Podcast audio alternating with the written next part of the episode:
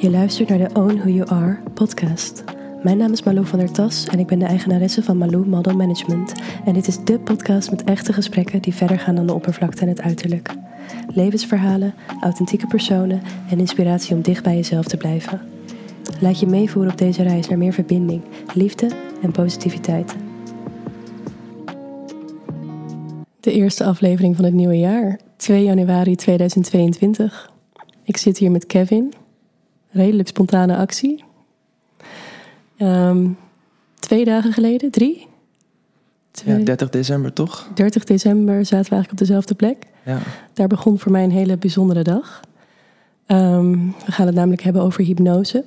Ik heb eh, dat dankzij Kevin mogen ervaren. En zelf heeft hij het ook ervaren en weet er veel meer over. Maar eerst, wie ben jij? Wie ben ik? Ik ben eh, Kevin Landman. Ik ben nog 27. Deze maand word ik 28. Ik woon in Haarlem, maar ik ben opgegroeid in Den Helder. En ik heb eigenlijk altijd gebasketbald. Dus toen ik vijf jaar was, zag ik de film Space Jam met uh, Michael Jordan en Looney Tunes. Dus zei ik tegen mijn ouders, dit is wat ik wil gaan doen. Ik wil gaan basketballen, dus ik wil profbasketballer worden. Zo gezegd, zo gedaan. Ik was Ja. 16, kom vanuit voor het Nederlands team.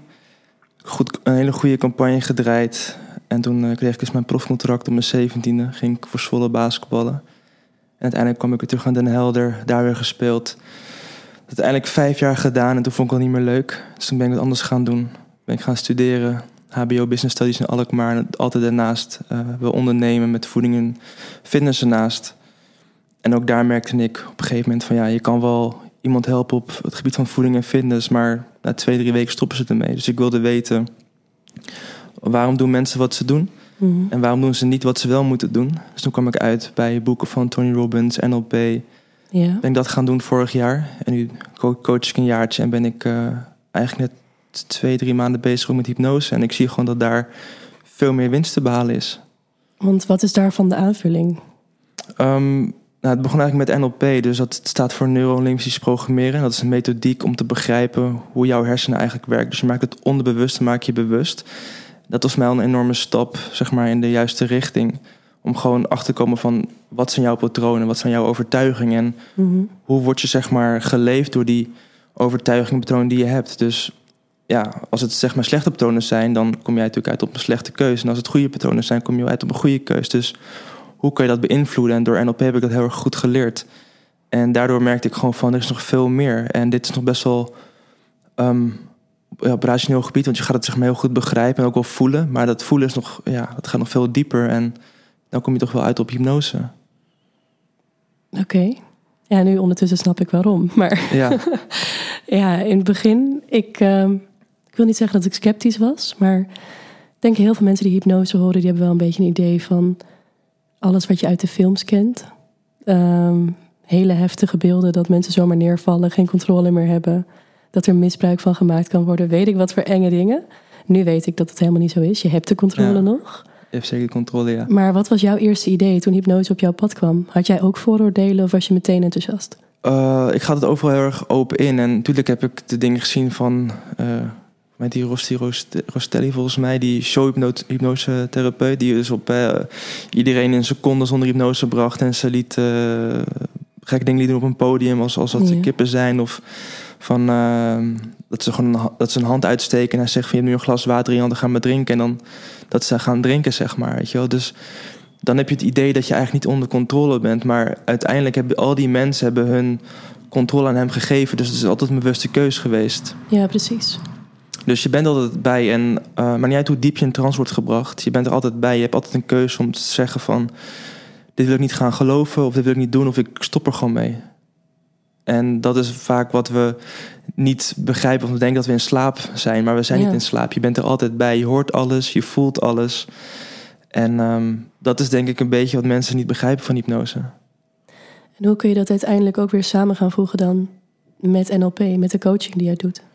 Ehm, nou, eigenlijk wat ik mensen al mee help is... ik help mensen al met visualisaties. Als ik dan eh, een sessie heb en ze hebben ergens last van... bijvoorbeeld... ehm, laatst heb ik een cliënt die heeft dan heel veel last van paniekaanvallen... of die wil, durft niet naar buiten te gaan. Dan vraag ik zo, wat is jouw proces? Hoe doe je dat eigenlijk? Hoe doe je een paniekaanval? nou, neem ik dus elke stap voor stap neem ik hem mee. En hij zegt zo van, nou, ik heb dus, uh, kreeg ik een bericht van mijn kapster... en die zou dan lang, thuis langskomen, want ja, hij kan natuurlijk niet naar de kapperszaak toe. Ja. Want toen las hij dat bericht dat zij zou komen en was paniek.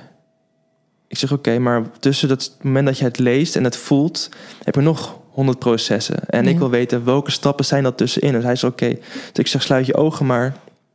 En eh, zie, hoor of voel wat er dan gebeurt. En toen zei hij ook van... ehm, nou, eigenlijk als ik dat berichtje lees... dan zie ik een rode, dichte mist op me afkomen. Alsof ik nergens heen kan. Ja. En ik kan ook niks zien. Ik zeg, oké, nou als je die kleur is veranderd, wat gebeurt er dan? Nou, al door de kleur oranje gaf me heel erg een fijn gevoel. Dus dan maakte dus die rode dichte mist maakte oranje. En maakten we ook veel eh, doorzichtiger. En op een gegeven moment hebben we ook gewoon helemaal naar... eh, eh, zeg maar, we hebben een wolk van gemaakt. Dat die hele paniekaanval helemaal niet meer kwam. Dus dan is hij in een visualisatie. Maar ook dat is eigenlijk hypnose. Als we mediteren zijn we ook in hypnose. Als we Ja. Ehm, binnen 60 seconden zeg maar, naar een Netflix-serie kijken of naar de film gaan, vallen we ook in hypnose. Dan moet je zeg maar om verschillende soorten transen. Ja. En ja, hoe dieper de trance, hoe meer je kan, kan veranderen bij iemand. Kun je wat meer vertellen over die vormen van trance en hoe herkenbaar dat eigenlijk misschien al is in het dagelijks leven? Ehm, nou, er zijn dus eigenlijk twee verschillende manieren. Dus je hebt zeg maar de hersengolven en je hebt dan de diepte van trance. Ik zal beginnen met de hersengolven. Je hebt dus vier verschillende hersengolven. Dat is dus de delta-golven, alpha-golven, beta-golven en theta. En delta is eigenlijk, ehm, ja, dat is het dromen. Dus dan ook dat je droom niet meer kan herinneren. Dus eigenlijk een dromeloze slaap. Dus dan ben je heel erg diep weg. Eh, de alpha-golven ontstaan op momenten tussen dag en nacht. Dus ehm, wanneer je eigenlijk ontspannen bent of gaat mediteren. Eh, als je dus gaat eh, televisie kijken op de bank of ja, gaat ontspannen of net voordat je in slaap gaat vallen, dus dan ga je in de alpha-golf. Beta is wanneer je actief bezig bent. Kan je goed concentreren. En theta-golf is wanneer je zeg maar super creatief bezig bent. Dat je zeg maar in je flow state komt of net voordat je in slaap gaat vallen of tijdens je remslaap. Dat is die theta-golf. En dan de hypnose die wij hebben gedaan, Ja. zet je in een theta-golf. Dus dat is eigenlijk de meest diepe ontspanning voordat jij in die delta-golf gaat. Dus begrijp ik dan goed, het is eigenlijk de diepste ontspanning, maar ook de meest actieve vorm. Dus in die ontspanning kun je heel actief creëren. Ja, klopt. Ja. Oké. En dan heb je verschillende soorten ehm, diepte van trance. Dus je hebt lichte trance. Dan eh, kan je bijvoorbeeld, eh, als ik dan, zeg van... je kan je, zeg maar, je oogleden niet meer openen. Dus probeer ze maar te openen. En dan lukt dat niet. Dus dan heb je een hele lichte vorm van trance. Dan heb je een lichte slash medium trance. Dan kan je dus bijvoorbeeld ehm, iets van heel zwaar aanvoelen. Dus ik kan bijvoorbeeld tegen jou zeggen van... eh, jouw benen zijn als beton. Als je, je blijft niet meer zitten, dus je kan niet meer opstaan. Dus probeer, Ja. probeer maar op te staan en dan blijf je zitten omdat je benen van beton zijn. Vervolgens heb je medium trance. Dan kan je bijvoorbeeld je... ehm, ja, dan heb je volledige spierverstijving. Dus dan kan ik zeggen, ik plak nu jouw hand op je hoofd vast. En dan kan je je hand niet meer van je hoofd aftrekken, want het is gewoon ja, spierverstijving. Ja. Eh, dan heb je medium diepe trance. Dan heb je, voel je geen pijn meer. Dus dat is geweldig voor als je bijvoorbeeld eh, naar de tandarts gaat... en je moet bijvoorbeeld een kies laten trekken... hoef je geen verdoving te gebruiken... maar dan kan je gewoon die, ja, die, die trance gebruiken. Dus eh, medium diepe trance. Ehm, en dan heb je diepe trance. Dan kan je zeg maar richting de hallucinaties gaan. Dus dan kan je iets zien wat er niet is. En als laatste heb je de somnabulistische trance. En dat is, ehm, ja, dan kan je dus echt naar regressie gaan. En dan in dit geval ook dan met de quantum healing hypnose naar je, ja, je onderbewustzijn slash je hogere bewustzijn gaan. Dus dat is de allerdiepste trance die er is. Oké. Ja, heel veel informatie. nou ja, dat in ieder geval. Maar ik zit er natuurlijk ook, ik betrek het dan meteen op mezelf en Ja. die ervaring die ik dus al heb gehad. Mhm. Dan denk ik dus, ik, ehm, ik mediteer redelijk regelmatig, visualisaties ook. Ehm, en ik heb soms zelfs het idee dat ik dat kan doen terwijl ik gewoon aan het lopen ben. Of eh, nou ja, visualisaties die zette ik wel eens aan. En dan was Mhm. ik tussendoor gewoon allerlei dingen in het huishouden aan het doen. En alsnog merkte ik dat dat al werkte. En dat is dus bij hypnose. Ik wist nog wel dat ik aanwezig was in de Mhm. ruimte waar ik was. Maar ik zou niet kunnen bedenken. Ik had geen andere gedachten over het dagelijks leven of zo. Nee, En het was heel realistisch waar ik ook was. ja. Zelfs zo realistisch dat. ehm, Ja, jij zei ook, jij had ook in jouw ervaring meerdere woorden die je niet meer herinnerde. Klopt. Maar ik weet dus ook, nou ja, we komen straks op het hele verhaal. We gaan zo meteen het hele verhaal delen Ja, van ja, ja. wat ik heb meegemaakt en jij ook, want jij hebt het ook meegemaakt. Maar het meest bizarre wat ik ook vond, is dat je gewoon, je weet dat ik in mijn geval dan nog in mijn bed lag. Ehm, maar ik kan niet op de normale dingen komen die normaal heel logisch zijn. Dus ik kon Mhm. niet bedenken van het punt wat ik keek, dat wat ik zag de aarde was. Want het Mhm. woord aarde snapte ik niet eens. Ja. Dat soort dingen, dat is dan eigenlijk dus wel heel raar. Dus in die staat ben je creatiever, maar in mijn geval was ik eigenlijk ook gewoon dommer, want ik, heel veel woorden kende ik nog niet. Ik kon me helemaal niet uitdrukken. ja. Dat vond ik heel raar. Het is ook heel raar, want uiteindelijk, het brein wat we hebben is natuurlijk, dat maakt het leven logisch. We kunnen dingen bepaalde betekenis geven. En dat hebben we zo vaak gedaan dat we het begrijpen. Ja, En dat maakt ja, het rationeel en logisch. Maar op een gegeven moment, ehm, in die staat van zijn, is eigenlijk niks meer logisch. Want je kan niet met een logisch antwoord, kan je, Nee. daar kom je gewoon niet. Het we kunnen ook niet omschrijven wat voor antwoorden je zeg maar, geeft tijdens die hypnosesessies. nee, maar het was ook voor mij heel duidelijk. Als jij een vraag stelde, dan kon daar een antwoord of een Mhm. nieuw beeld op gevormd worden. Ehm, maar zelf kon, kon ik niet denken van, nou laat ik dit nu eens even gaan vertellen. Of zo. Nou, heel en toe had je wel een idee dat je zelf iets zei. Dat is als je hè, je bewuste brein of dat Ja. ego komt dan naar voren. Ja, Want die zegt eigenlijk gewoon van ja, we hebben geen problemen en ik weet het antwoord niet van, op die vraag.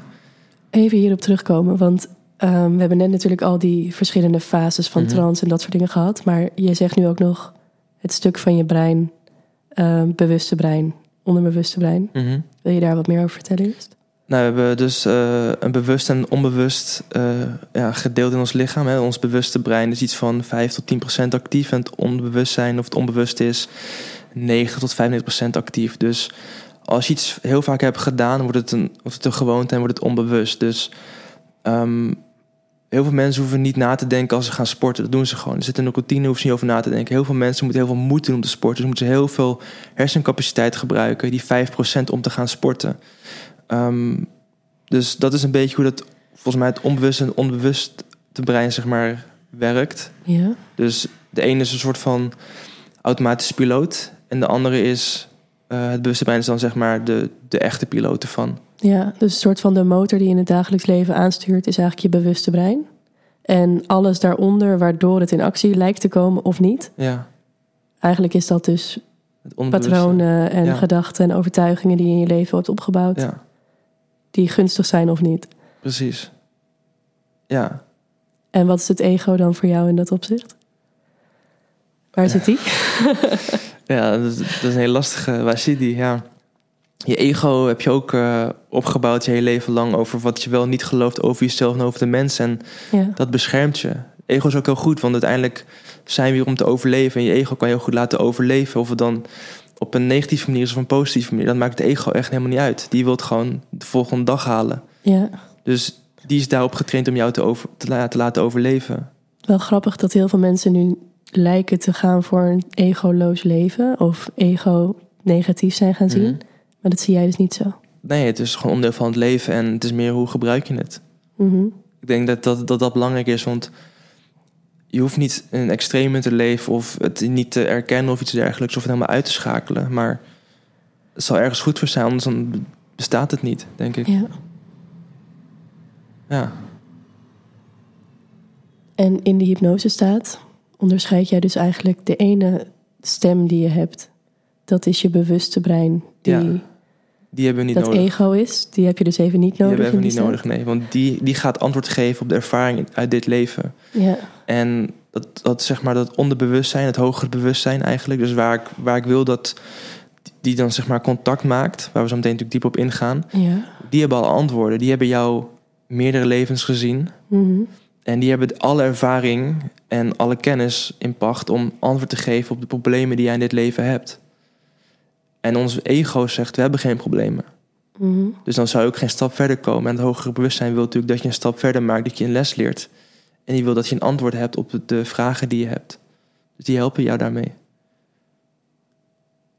Als je dit allemaal hoort, dan vraag je toch eigenlijk af... waarom is hypnose niet veel populairder? Want het is best fijn om in een staat te komen... waarin je ego even opzij gezet wordt.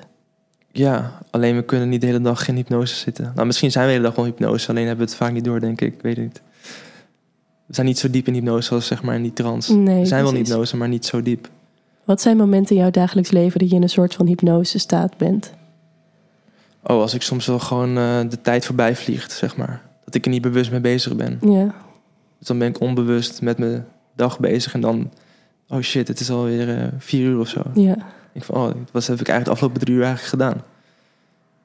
Dan ben ik denk ik voor mijn gevoel een beetje onder Ja. hypnose. ja. Want je hebt geen tijdsbesef onder hypnose. Voor mij is het vaak een teken als ik dat heb, dan ben ik met iets bezig geweest wat ik leuk vind. Mhm. Of in goed gezelschap, dan speelt tijd ineens geen rol meer.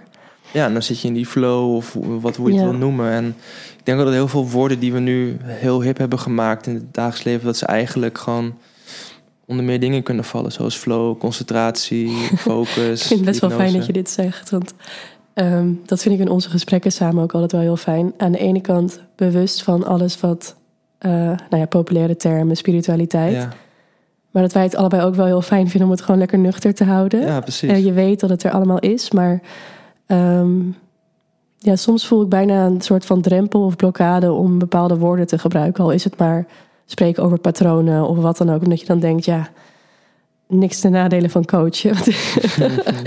maar er zijn natuurlijk genoeg coaches die dan maar de hele tijd allerlei termen erin gooien, wat heel interessant klinkt en wat heel hip is. Maar waar gaat het nou eigenlijk echt om? En ik heb wel het idee dat dat iets is waar jij wel. ehm, ja, jij springt er wel een beetje uit omdat je het ook nog wel nuchter en in deze tijd houdt of zo. Ja, ik weet het niet. Gewoon dicht bij jezelf, dicht bij. Ja, gewoon een soort van meteen een aanpak. Ik weet, ik heb geen coaching van jou. Ik Ja. ken je alleen als persoon. Ja. Ehm, maar volgens mij is het bij jou wel van als je niet heel erg veel woorden nodig, he- nodig hebt om een resultaat te bereiken, dan ga je daarvoor. Zeker. Als iemand het zelf kan, dan hoef jij niet degene te zijn die een heel verhaal houdt. Ehm, maar dan komt iemand daar wel. Of je kan net een beetje dat duwtje geven voor iemand om daar te komen. Ja. Zonder dat je daar allemaal rituelen, allemaal sessies en weet ik wat voor extra's voor nodig hebt. Als je het simpel kan houden, dan doe je dat volgens mij het liefste. Ja, als, als eh, iemand bij mij, bij mij eh, komt voor coaching, wil ik diegene zo snel mogelijk weer eh, los kunnen laten, dat hij zijn leven verder kan, kan leiden. Ja, En dat het liefst zonder mij, want ik, hij, moet niet, hij of zij moet niet afhankelijk worden van, van de coach. Dus nee. ik wil iemand zo snel mogelijk leren begrijpen waarom hij iets doet wat hij doet. Dus welke Ja. behoeften erachter? Hoe kunnen we die behoeftes dan positief bevredigen? Eh, hoe verander je bepaalde overtuigingen en gewoontes? En je, je kan weer gaan. Mhm.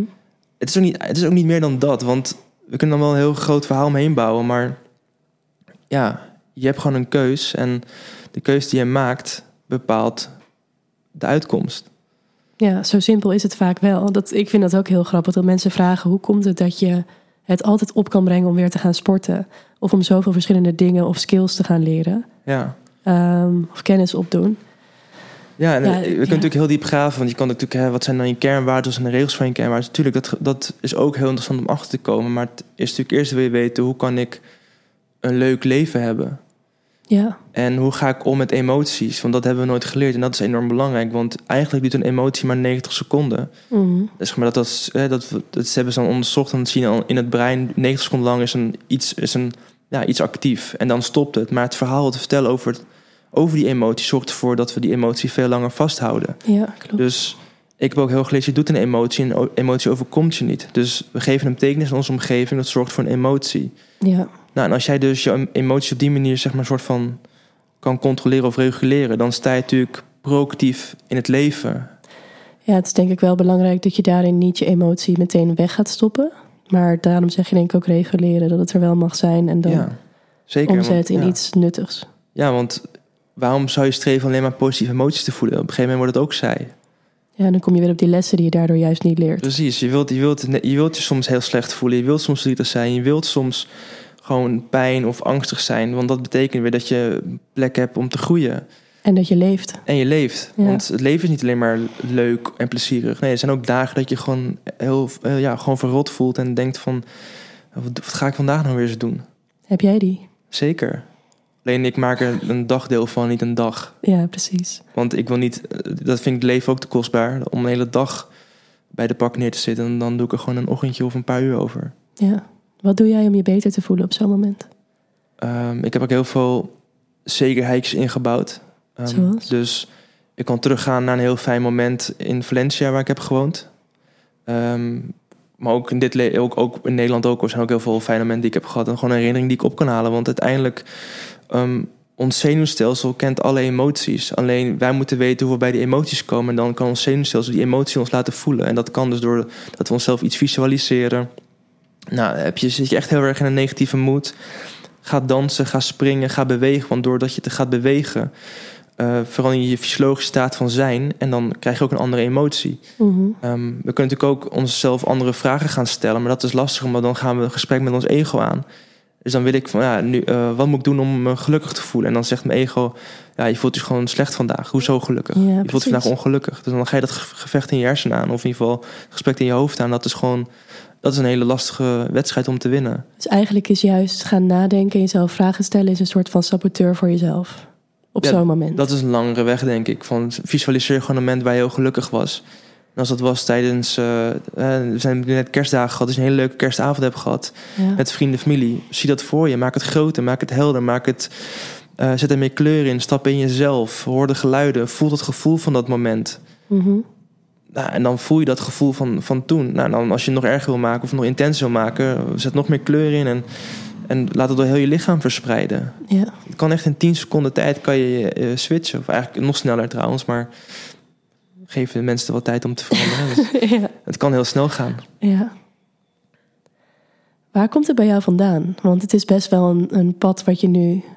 Je bent dit pad opgegaan nog niet heel lang geleden. Je zegt ongeveer een jaar dat je coaching nu doet. Mhm. Daarvoor heb je natuurlijk wel je opleidingen moeten volgen... om daar überhaupt mee te kunnen starten. Ja. Ehm, ik hoor een combinatie van sport.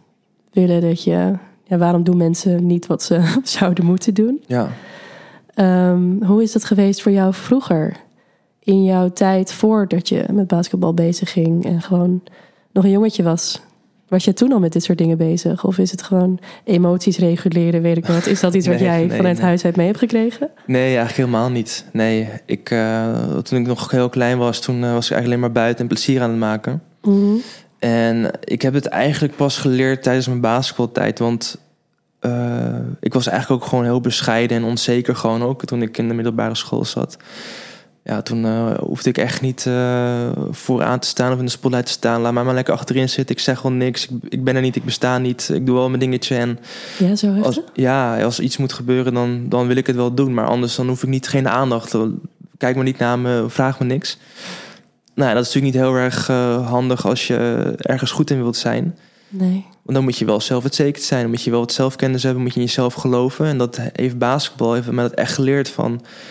Niemand voor jou gaat een contract regelen. Dat kan je alleen zelf. Niemand voor jou bepaalt hoeveel je gaat spelen. Dat bepaal je alleen zelf.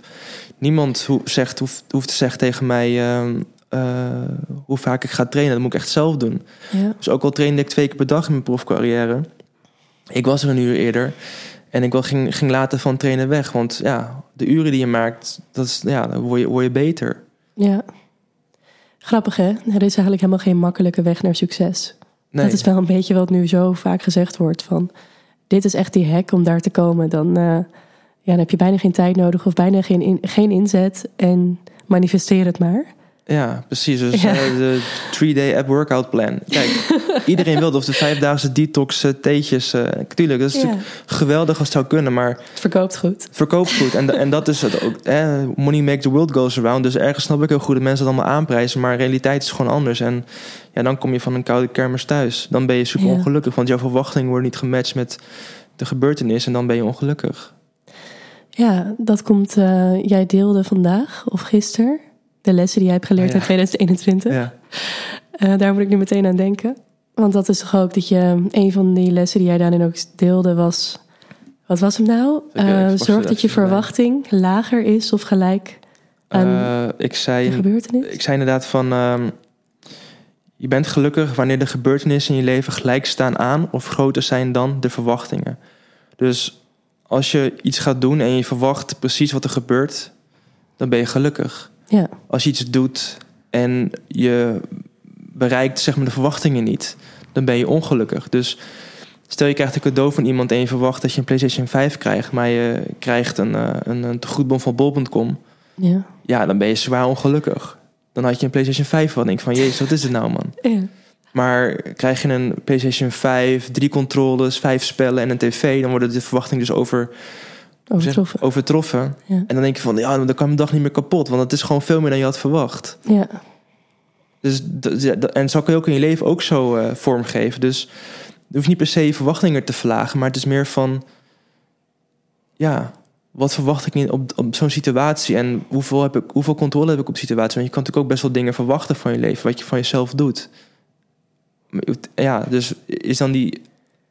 Ik denk dat het meer gaat om. Heb je de controle in jezelf of geef je die controle weg met je verwachtingen? ja.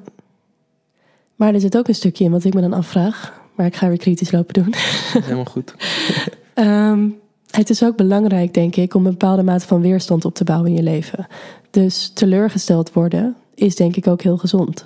Want daardoor leer je dus omgaan met die teleurstelling. Ehm, of is dat een stap daar vooraf? Dat als je vaak genoeg weet hoe het is om teleurgesteld te zijn, weet je ook welke verwachtingen haalbaar zijn. Dus manage je dat beter? Hoe moet ik dat zien? Eh, ik denk dat het een beetje ligt aan wat je wilt ehm, bereiken. Als je heel graag iets wilt bereiken en het is echt een doel die bij jou hoort, ja, dan zullen er heel vaak dingen gebeuren die niet, die niet leuk zijn of dingen die niet lukken. En dan leer je ervan. Dus dan leer je hoe je moet aanpassen en hoe je moet veranderen om de persoon te worden die je eigenlijk moet worden. Dus meer jezelf te worden. Ehm, ga je achter een doel aanrennen die niet van jou is, dan zal je constant teleurgesteld worden. Dus is het het doel die jij zelf hebt gesteld of is het het doel die jouw omgeving voor jou hebt gesteld, die, die jij denkt te moeten bereiken? Ja, dat is inderdaad wel een hele mooie. Of je wel echt je eigen leven leeft of een beetje het pad van een ander probeert te volgen. Ja. Als je dat gaat doen, als je het pad van een ander gaat volgen, dan zal je altijd teleurgesteld zijn. Ja, dat is waar. Is dat ook waarvan. Is dat iets waarbij hypnose kan helpen, denk jij? Om te zorgen dat je echt op je eigen pad komt en te weten welke verwachtingen haalbaar zijn voor je en wat niet? Ehm, nou, Of je, is dat meer je zou coaching? erachter kunnen komen, maar uiteindelijk gaat het erom wat ga je met het antwoord doen. Dus ook Mhm. als zou je een antwoord krijgen met eh, je, je bewandelt niet het juiste pad, je moet een ander pad bewandelen. Ja, wat ga je ermee doen? Dus wil je Mhm. inderdaad, je hebt altijd die keuze van wil je het accepteren of niet? Wil je het geloven wat je tegen jezelf zegt? Of ga je dan weer heel eh, dwars liggen voor jezelf en ga je je forceren om iets te doen wat je eigenlijk niet leuk vindt? Mhm. Dus in dit punt in jouw leven is het heel gunstig geweest om dit te doen. En heeft het echt een, ja, heeft het effect. Ja, Maar als je teruggaat naar die onzekere versie van jou eh, op de middelbare school, dan had je er waarschijnlijk dus niet zo heel veel aan gehad, omdat je niet had geweten wat je met die inzicht had gekund. Of begrijp ik dat verkeerd? Ehm, nee, op zich zeg je daar iets heel, heel logisch. Want ik weet niet of ik toen ik 15 was, of ik hier klaar voor was. Het zal heel- als iemand anders tegen me had gezegd van, oh, dit moet je doen. Ja, En ik had het gedaan, dan denk zo van, ja, maar dan doe ik het voor die ander. ja dat is weer inderdaad het stuk dat je het niet voor jezelf doet. Ehm, dus ergens moet er wel een bewuste keuze zijn dat je het voor jezelf wil doen. En dat je echt een antwoord wil op een vraag die jij stelt. Want ik denk dat als je helemaal in die leeftijd ben je gewoon nog heel erg aan het onderzoeken. Wie je in godsnaam bent en wat je wilt. Ja, En ja, dat kan best zijn dat als je ehm, midden 20 of eind 20 nog steeds het antwoord niet hebt gevonden. Ja, dan is het natuurlijk leuk om wel voor zo'n sessie te doen, omdat je dan wel meer eh, krijgt. Want uiteindelijk wil, wil je hogere zelf ook dat je hier gewoon een geweldige tijd doorbrengt in deze tijd van, de, van jouw leven, zeg maar, deze wereld. ja, ik vind het mooi dat je dat zegt van deze wereld en deze tijd van je leven. Want tijd, daar hadden we het natuurlijk ook nog over samen. Ja, ja, Tijd is natuurlijk helemaal niet. dat blijkt niet te bestaan meer nee, als je in hypnose Nee. gaat en eh vorige levens gaat. Want die quantum healing hypnose, dat is eigenlijk een eh, hypnose die bestaat uit twee delen. Je gaat dus naar een vorig leven. ehm, Of waar je meer dus, dan één. Huh, wat zei je? Of meer dan één. Of meer dan één, ja, vaak Ja. twee, drie. En in die vorige levens heb je dus ook lessen geleerd die je in dit leven kan toepassen. En het tweede deel van hypnose bestaat dus uit dat je in contact komt met je hogere zelf. En dat is dus eigenlijk het ja, universele bewustzijn. Eh, dat zit net aan tegen het goddelijke. En daaronder heb je nog andere rangen als hè, de spirit animal, de angels. En noem maar op, ik weet niet precies welke er allemaal tussen zitten. Maar dat is voor, voor de mensen die heel erg in de spiritualiteit thuis zijn, die begrijpen dat beter. Ja. Ehm, maar ja, als je dan dus inderdaad een regressietherapie doet, dus een, eh, terug gaat naar een vorig leven. ja, want regressietherapie, dat is dus teruggaan naar een vorig leven. Ja, dat is naar een vorig, vorig leven. Ja. En daar Ja. is het eigenlijk mee begonnen, deze hypnose, die quantum healing hypnose. Alleen dat stukje dan inderdaad met je in contact komen met je hogere bewustzijn en je hogere bewustzijn vragen te stellen. Ja, dan krijg je de antwoorden die je nu nodig hebt over dit leven. Uh, maar ja, er zit ook heel veel kennis in een vorige leven, want dat heb je ook niet voor niets uh, geleefd. Ja. En um, ja, dan kan je ook inzichten krijgen van uh, waarom doe ik nu bepaalde dingen in dit leven? Wat was mijn les in een vorig leven daarover? Ja. En een van mijn lessen die ik heel erg naar voren kwam was dat ik mijn omgeving wilde controleren. Ja, en dat zag ik heel duidelijk dat dat niet lukte. Dus, dat is, Mhm. dat is, ja, dus het enige wat ik kan controleren is mezelf. En hoe mijn omgeving daarop reageert, dat is aan hun. Ik, ik kan niemand anders niet controleren. Nee. Jij zegt, je hebt deze les geleerd. Jij hebt dus zelf ook een hypnose gehad. Ja. Eén of meer dan één? Um, nou, ik ben wel vaak onder hypnose geweest, maar die quantum hypnose heb ik één keer gedaan. Oké, okay. vaker onder hypnose geweest. Nu ben ik heel benieuwd waar dit begon.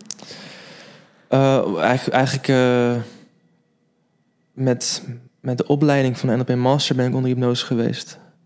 Oké, okay, dat keer. was een onderdeel daarvan, of niet? Ja, wel dus een dag dat we hypnose gingen leren... en dan liep toevallig iemand tussen die inderdaad hypnotherapeut is. Ja. Toen, omdat ik hypnose wil leren, zei ik tegen haar van... wij gaan samen een oefening doen, want dan kan ik van jou leren. Ja. En toen heeft ze mij dus een paar keer onder hypnose gebracht... en uh, toen gebruikte zij mijn uh, twee wijsvingers uh, waar ik ja en nee kon mee kon zeggen. Dus mijn rechter wijsvinger gaf ik aan dat ja was en mijn linker wijsvinger gaf ik aan dat nee was. En zij stelde een vraag, is jouw naam Kevin? En toen ging mijn rechter wijsvinger, uh, begon dan te, zeg je dat, op neer te gaan. Dat is dus ja. Oké. Okay. En toen vroeg zij, ben je 35? Zeg ik nee. Dus mijn linker wijsvinger ging op en neer en dat is nee. En zo ging ze mij dus steeds meer vragen stellen om dan achter antwoorden te komen. Dat was een heel bijzondere ervaring. Um, maar dan Ja. ben ik best nog wel heel zwaar bij bewustzijn. Want ik hoorde die vraag en ik wilde misschien ook mijn vingers forceren. Maar dat Ja. lukte niet. Het ging echt heel onbewust ging dat. Waren je ogen dicht? Die waren dicht, ja. Ja, ogen waren Ik dicht. weet niet waarom ik dit wilde weten, maar ik probeer een beeld te vormen van het. Want moeten je ogen altijd dicht zijn als je onder hypnose gaat? Nee, je kan ze ook hebben open hebben. Dat zie je vaak bij showhypnose. Dat ze dan... De, de, ze weer eh, maken ze je wakker soort van. En dan doe je iets en dan geven ze nog meer suggesties. En dan ga je andere dingen doen. Ja. Omdat je toch al je controle aan die hypnotherapeut hebt gegeven. ja, dat stuk vind ik nog steeds wel een beetje eng hoor. Als je daarover dat soort dingen die kant op gaat. Ja. Ja, Ja, ik, voor mij was het ook altijd heel ver weg. Zeg maar, dat je binnen 10 seconden onder hypnose was. Weet je, dan geven ze je een hand en dan zeggen ze slaap en je bent weg. ja. Ik dacht zo van, ja, weet je, dat is toch eigenlijk allemaal onzin. En tot ik het zelf ging doen. Dat heb jij ook ervaren al. Ja, dus ik heb... eh, mijn broertje is mijn proefkonijn. En hij staat overal voor open. dat is heel fijn, dus ik kan, ik kan altijd oefenen. En eh, nou, toen ging ik, eh, zei ik tegen hem van... eh, wil je onder hypnose? Ja, is goed. Nou, toen heb ik hem binnen ja, 10 seconden heb ik hem eh, in trance gebracht. En eh, was hij in een hele ontspannen staat. En het is eigenlijk een soort van, eh van powernap die hij dan in 30 seconden doet. In plaats van een kwartier. En hij was helemaal weer energiek en enthousiast. En hij voelde zich goed toen hij eruit kwam weer. Maar ook dit is toch eigenlijk gewoon mindset? Ja. Als je niet onder hypnose wilt, gaat het niet gebeuren. Nee, maar ook als jij heel graag wil geloven dat de uitkomst van hypnose goed is. Of dat jij, ehm, ik bedoel, als jij het gesprek aangaat met hem Mhm. en je zegt, ehm, ik ga je onder hypnose brengen, daarna voel jij je helemaal fris en Mhm. Eh, uitgeslapen, weet ik wat. Dan ga je dat doen. Hij komt eruit. Dan Ja. wil hij dat toch ook graag geloven. Dus dan voelt hij zich daardoor al zo, of werkt het niet zo? Deels ja, want ik geef hem suggesties. En die Ja. suggesties van hey, je voelt je zo meteen eh, uitgeslapen, je voelt je energiek, je Ja. voelt je fris. Maar dat willen we eigenlijk allemaal wel. Dus dat is, dat is heel positief. Dus ja, dat wil ik wel. Ja, ja, is goed, doe maar. En dan nou, heb ik allemaal heb ik al vier, vijf, zes jaars gehad ja. voordat nog moeten beginnen. ja, want dat wilde ik dus eigenlijk aan je vragen. Want het is bijna, ehm, kom ik weer met mijn Ja. andere kijk erop hoor. Ehm, maar het is bijna een soort manipulatie. Want het is hetzelfde als jij wil dat iemand ja gaat zeggen op iets. En je zorgt dat alle vragen die je aan die persoon stelt, waarvan je zeker weet dat die persoon er ja op gaat zeggen, dat dat allemaal ja, ja, ja, ja is. Ehm, dan weet je ook dat die laatste keer ja is of dat iemand eerder met je meegaat. Is hypnose dan vergelijkbaar met iemand manipuleren tot een bepaalde uitkomst? Of weer niet, omdat je helemaal niet meer dat bewuste denken hebt? Ja, ik denk dat je het ook al kan gebruiken als eh, manipulatie hoor, zeker. Dus er zijn ook, er zijn ook heel veel mensen die, die negatieve intenties hebben die hypnose eh, geven. Dus je moet er wel altijd voorzichtig mee zijn. Ja, altijd. Dus als je ooit met mensen of onder hypnose wordt gebracht door iemand, zou ik wel even goed onderzoek doen wie diegene is. Ja. En niet zomaar alles eh, toevertrouwen. Want ja, je kan zomaar antwoord geven op iets wat je niet wilt delen. En daar moet je wel iemand voor vertrouwen. Ja. Dus eigenlijk een essentieel onderdeel is vertrouwen opbouwen met de persoon die onder hypnose gaat. Voor Ja. jou ook. Ja, dus daarom duurt die quantum healing sessie ook zo lang. Want ik ben eerst met diegene drie, vier uur bezig met het interview. Een soort van coaching sessie. Om te begrijpen wat speelt er in het leven. En Daar had ik even niet op gerekend. ja, dat is even een, eh, een verrassing. Ja. Ehm, ja, en, en daarin eh, ja, creëer vertrouwen. En dan weet je dat het goed zit. ja. Is iedereen onder hypnose te brengen? Ik denk het eigenlijk wel. Alleen er zijn een aantal, er zijn zeg maar een percentage mensen die zijn heel erg eh, ja, left brain, dus heel erg analytisch en logisch en cijfertjes Ja. en regeltjes. Ja, die moeten wel, die hebben iets meer tijd nodig en iets meer, eh, hoe zeg je dat? Daar heb je als hypnotherapeut iets meer firepower voor nodig. Want die zijn wat moeilijker om, eh, of, ja, om in trance te brengen. Want die willen alles logisch weten en die willen Ja. alles begrijpen en die willen alles eigenlijk gelijk willen bevragen, want anders dan is het niet logisch. Dus die moet je naar die rechter hersenhelft brengen, naar creatie, naar fantasie, naar ehm, ja, weet ik wat, allemaal, wat, wat de rechterbrein allemaal goed voor is, maar daar wil je ze hebben. Met, met ja. Ja. beeld- verbeeldingen en zo. Ja, ik weet nog wel dat eh, toen jij me over hypnose vertelde, toen nog niet het idee was dat ik het misschien ook een keer zou gaan doen. toen eh, zei je al wel dat het bij mij misschien makkelijker was, omdat ik altijd alles al in beelden zie. Dus dat helpt eigenlijk wel. Dat helpt heel goed, ja. En zeker iemand die veel mediteert en visualiseert. Super, Ja. want dat, dat is ook een deel van hypnose. Ja, Dan zit je gewoon in een hele lichte trance. Want ja, je, je ziet dingen, je verbeeldt dingen, je, je bent creatief bezig. Dat is echt perfect gewoon. Als iemand dus veel dat heeft gedaan, dan is het voor mij heel makkelijk om iemand onder hypnose te, te brengen. ja. Maar het is dus niet alleen maar mogelijk als je dat al doet. Nee, het is ook mogelijk als je dat niet doet. Ja, Dus het heeft ook een beetje te maken met... vertrouw je degene, durf je je over te geven. En vaak zijn we ook een beetje bang voor het onbekende. En als je weet dat het goed zit, dan, dan kan je je volledig overgeven. En als, dan begrijp je gewoon, ja, het is goed. ja. Ik ga nu gewoon genieten en ik ga gewoon genieten van de antwoorden die ik, eh, die ik ga krijgen. En jij hebt dus meerdere hypnoses gehad tijdens die opleiding. Toen ben je ermee in aanraking gekomen. Wanneer was jouw quantum healing hypnose? Maar die was eigenlijk nog ervoor, voordat ik hem echt in aanraking mee kwam. Een Oh. vriend van mij die eh, heeft dus, doet die opleiding dus ook die ik, eh, die ik heb gedaan. Ja. En eh, die zei van, hey Kev, ik eh, ben wat nieuws gestart. Ik moet oefenen. Heb je zin om eh, te doen? Ik zei, ja, is Ja. goed. En toen, eh, een dag van tevoren, zei hij zo van... je moet nog wel even tien vragen verzinnen. Ik denk, tien vragen? Shit man, waar, waarover dan?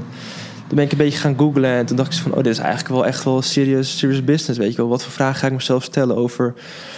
eh, wat is mijn levensmissie? Kom ik van deze aarde? Eh, ik wilde weten waarom ik bijvoorbeeld eh, soms best wel gespannen ben voor een presentatie. Ik wilde weten waarom ex in mijn leven was. En zo ik nog een aantal vragen waar ik antwoord op wilde. En dan tijdens het interview neem je dan ook die vragen door om te kijken of het inderdaad de juiste vragen zijn die je nu moet stellen of dat die niet relevant zijn.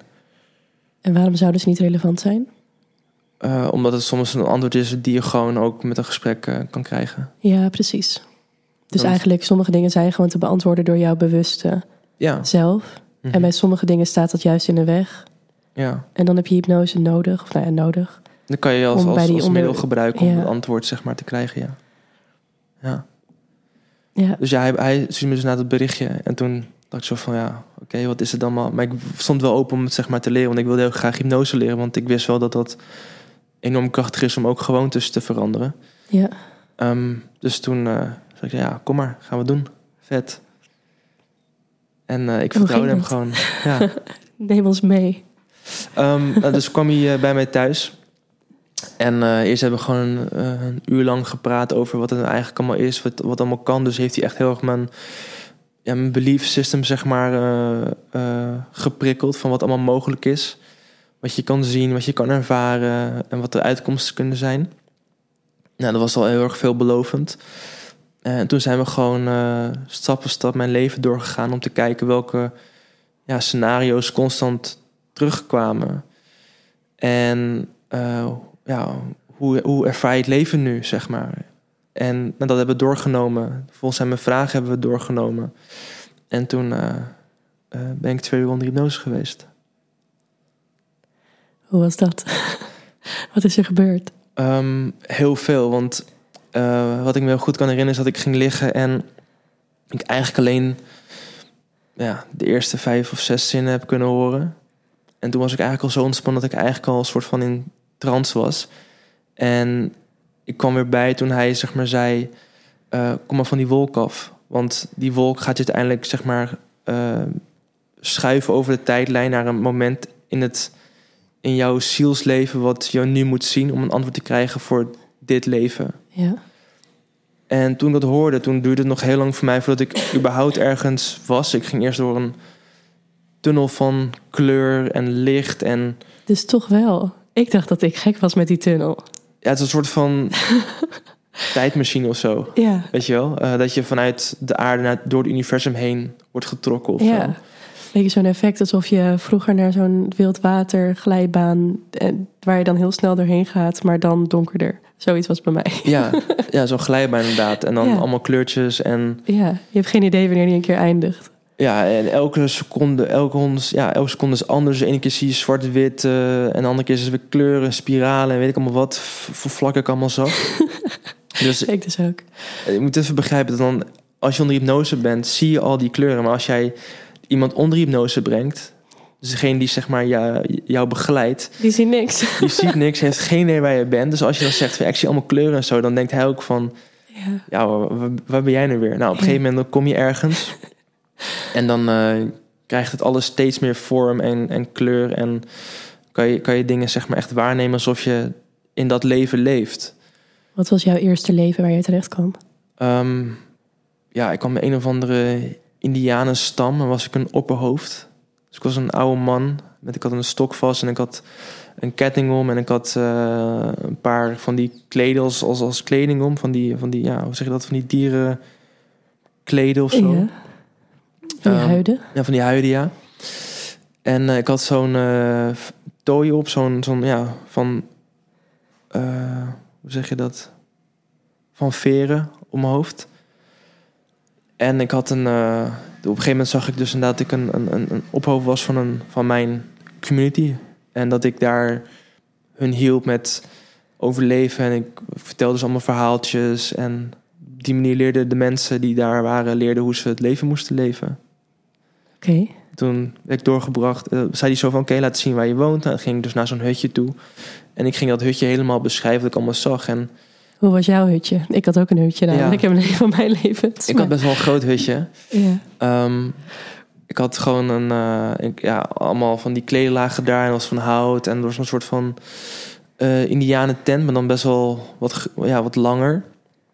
Waar ik gewoon kon relaxen, ontspannen en dat soort dingen.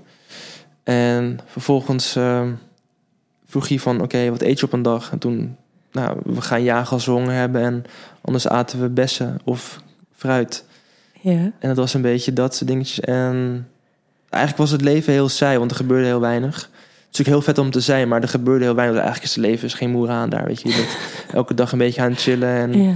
hout sprokkelen en zo. Dus ja, het is niet heel boeiend of zo. En op een gegeven moment gingen we dus naar een belangrijke dag. En toen was er dus vuur, heel veel vuur. Het was echt een hele grote bosbrand. En daar wilde ik dus iedereen controleren. Van blijf zitten, blijf dezelfde gedachten denken als, als ik. Dan komt er zo meteen een windvlaag of een storm of een regen. En dan stopt het branden. De bosbrand stopt dan. Nou, sommige mensen renden die, die, die vuurzee in. Andere mensen sprongen van een rots het water in. En het was chaos. En ik wilde het allemaal controleren en rustig houden. En mensen helpen om te overleven. Nou, op een gegeven moment was dat gewoon eh, te ver uit zijn handen gelopen. Dat ik dan op een gegeven moment ook maar op de rand van een rots stond. En dacht van ja, ik moet nu ook springen, anders dan verbrand ik levend. En toen sprong ik Ja. van die rots af en dat overleefde ik. En toen spoelde ik aan op een onbewoond eiland. eh, waar eigenlijk alleen maar rotsen stonden. En ik kon daar geen eten vinden. En daar ging ik uiteindelijk ook, ook dood. Oké. En toen zei Brian ook van oké, eh, je mag dit waarnemen, je mag het zien als een film. Je hoeft het niet te voelen. Eh, dus zien we wat er gebeurt. En toen zag ik inderdaad echt dat dat leven zijn laatste adem uitblies. En dat was het. En toen werd de vraag inderdaad gesteld. ehm, elk leven heeft een les en een doel. En wat zijn de lessen van dit leven? En toen zei ik inderdaad van... ik wilde andere mensen controleren, maar dat kan niet. Dus ik kan alleen Ja. mezelf controleren.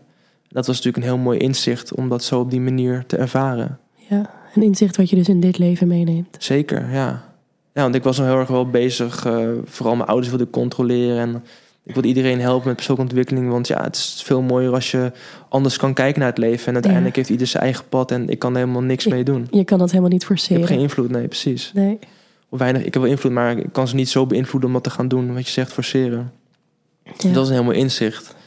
En ergens rationeel begrijp je dat wel. Maar als je het nooit hebt gevoeld, dan zal het nooit een les voor je zijn. Dus Ja. Heb jij ehm, in, kijk, eventjes op mijn ervaring. Mhm. In, terwijl ik in dat leven zat, ja, keek ik letterlijk vanuit mijn ogen. Dus ik zag de Mhm. wereld vanuit mijn ogen. Het moment dat je doodgaat, en dan heb je dus dat gezegd, je hoeft het niet te ervaren of je mag er gewoon naar kijken, je hoeft het niet te voelen. Mhm.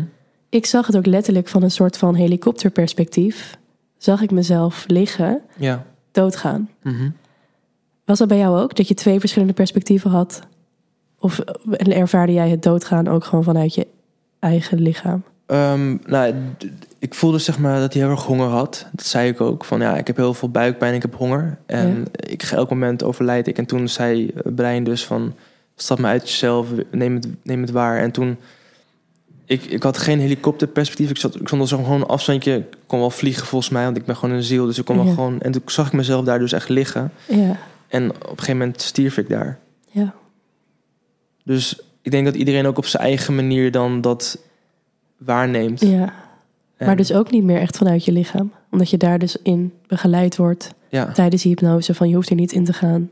Dat, die ervaring hoef je niet te hebben. ja, want Maar je haalt alleen ja, de les eruit. Precies, want we hebben die pijn helemaal niet nodig nu. Nee, Dat is niet, eh, niet belangrijk. Want het kan ook best zijn dat je wordt vermoord of op een andere manier doodgaat. Dat je wordt Ja. opgehangen of je, je stikt of je verdrinkt. Ja, dat is natuurlijk geen prettige manier om te overlijden. Dus leuk hè, zo'n hypnose. ja, ja, kijk, ik kan natuurlijk zeggen van eh, nee, voel maar lekker. Maar dat, is natuurlijk, eh, dat, hel- dat helpt helemaal niks. Nee, Dus je wilt gewoon eh, de beste manier voor degene die onder hypnose is, de ervaring hebben. Dus ja, neem het gewoon lekker waar en zie wat er gebeurt. Want je bent dat niet nu. Dat moeten we wel even zeggen, want anders denk je dat je diegene bent. Want Ja. het is allemaal hartstikke echt. ja.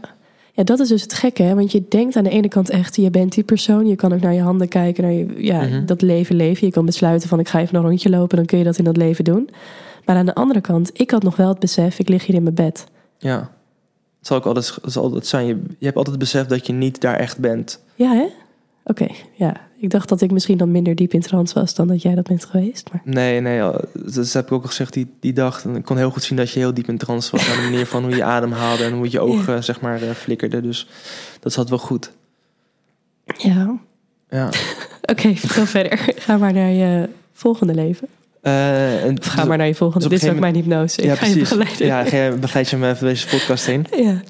Ehm, dus op een gegeven moment heb je dan je les en je doel geleerd. En dan ehm, mag je nog een ander leven ervaren. En dan, eh, ja, dan zweef je weer verder naar een ander leven op de, de perfecte tijd en plek die je dan moet zien. Nou, en toen eh, kwam ik ehm, terecht in het Romeinse Rijk. Toen was ik een, eh, een soldaat. En was ik ook echt aan het vechten op die veldslagen voor mijn rijk. Ehm, toen zag ik ook op een gegeven moment dat daar een wapenstilstand werd. Ja, daar hadden ze over met een, in een gesprek. Ik kon niet heel goed verstaan wat ze zeiden, maar de, de beide partijen stopten met vechten en de generalen gingen met elkaar in gesprek. En toen stopten we met vechten en er was, was vrede. ja. Ehm, toen ging een ander belangrijk moment van die dag was dat ik, of van het leven was dat ik een, een generaal was. En dat ik met heel veel zelfvertrouwen en misschien wel ook arrogantie door de straat liep. En al die mensen die daar stonden, die, ja, die knielden een beetje voor me alsof ik heel veel betekende. ja. En later in het leven werd ik een, eh, ja, een wijze oude man, een adviseur van de keizer. En dan zag ik mezelf echt zitten aan zo'n hele grote stenen tafel met de keizer en meerdere wijze oude mannetjes die de keizer advies ging geven over het rijk, van wat we moesten doen en wat belangrijk was. En op een gegeven moment had ik door dat de verschillende mensen in het rijk verkeerde en kwade intenties hadden. En daar sprak ik me dus niet voor uit. Dus ik dacht van ik wilde eerst gewoon even zien gebeuren, wat er gaat gebeuren. En op een gegeven moment had ik het dus echt door. En toen zei ik wat van en toen werd ik ook echt ja, monddood gemaakt. En ik werd dus in de gevangenis gegooid met mijn mede-compagnons... die dat dus ook nog aan de goede kant stonden. Die dat ook Ja. door hadden. En ja, toen werden we op een gegeven moment... ehm, meegenomen. En toen werden we eigenlijk allemaal, eh, gingen we allemaal naar een galg toe om te worden opgehangen. Ja. Nou, en toen ik zei dat dat ging gebeuren, dat ik op een gegeven moment mijn hoofd in die strop hing, zei ik ook van, nou ja, dit, het gaat zo gebeuren, dus uh, haal maar even uit het lichaam. En toen ging ik gewoon tussen toeschouwers staan en zag ik mezelf worden opgehangen. Wat een heel uh, fascinerend gezicht Ja. is natuurlijk. En toen, Fascinerend. en toen ook weer, wat is, eh, wat is de les eh, en het doel van het leven? En ik had een hele mooie les van, je stem is wel wat waard. Je mag veel meer voor jezelf opkomen. Dus als ik die les al eerder had gelezen, had ik misschien eerder gezegd tegen de keizer of tegen bepaalde mensen dat er inderdaad eh, verkeerde intenties waren. En dat ik dan had ik misschien wel eh, iets voor kunnen voorkomen. Ehm, ja, het is een hele mooie les. Dus dat ook in dit leven mag ik gewoon mijn stem gebruiken. En eh, als ik, als ik ja, kan ik mijn grenzen aangeven. Ja. Heb je daar eerder moeite mee gehad? Ja, ik kon heel goed policen vroeger. En soms nog steeds wel moeite om bepaalde grenzen aan te geven. Dan vind ik het soms wel leuk, maar is het niet nodig of zo. Dus dan heb ik liever meer behoefte om alleen thuis te zitten s'avonds... omdat ik weer op pad ga. En dan Ja. kies ik toch voor, ah joh, ik kan toch wel eventjes eh gezellig een drankje doen of zo. Is dat veranderd sinds je dit inzicht uit dit leven hebt gehaald? Ehm, nou, ik heb vooral dat ik veel meer mijn stem gebruik waar ik voor sta. Ik durf me veel meer uit te spreken en durf, durf ook beter en meer voor mezelf op te komen. Zonder dat ik moeite heb met wat iemand anders daarvan vindt. Dat vind ik eigenlijk nog een belangrijke les dan dat ik mijn grenzen nog meer aangeven. Dat ik echt voor mezelf durf op te komen. Ja, Ja, mooi. ja. Oké, dus je hebt jezelf eigenlijk al twee keer zien sterven in een ander leven. ja. En toen? Was er nog een leven of was het toen klaar? Ja, ik had nog een leven gezien en die was, die was heel bijzonder, want dat wilde ik eerst ook echt helemaal niet geloven. Want ehm, dan word je weer, weer, weer verder gebracht en je zweeft door naar een ander leven. Nou, je komt op het perfecte moment en tijd, kom je, te- word, je, word je neergezet. En toen was ik onder water en dat begreep ik niet. Waarom kan ik, onder, wa- waarom kan ik ademhalen onder water? Ja, dat, dat, dat was zo raar. En toen zag ik geen benen, maar dan zag ik eh, vinnen. En ik was een, eh, een zeemermin. Ik had ook een vrouwelijk lichaam. Ja, En opeens was ik, kwam er zo'n gedachte van je bent Atlantis. En ik denk, hè? Maar het is toch een sprookje, Atlantis? Hoe, hoe kan ik hier nu zijn?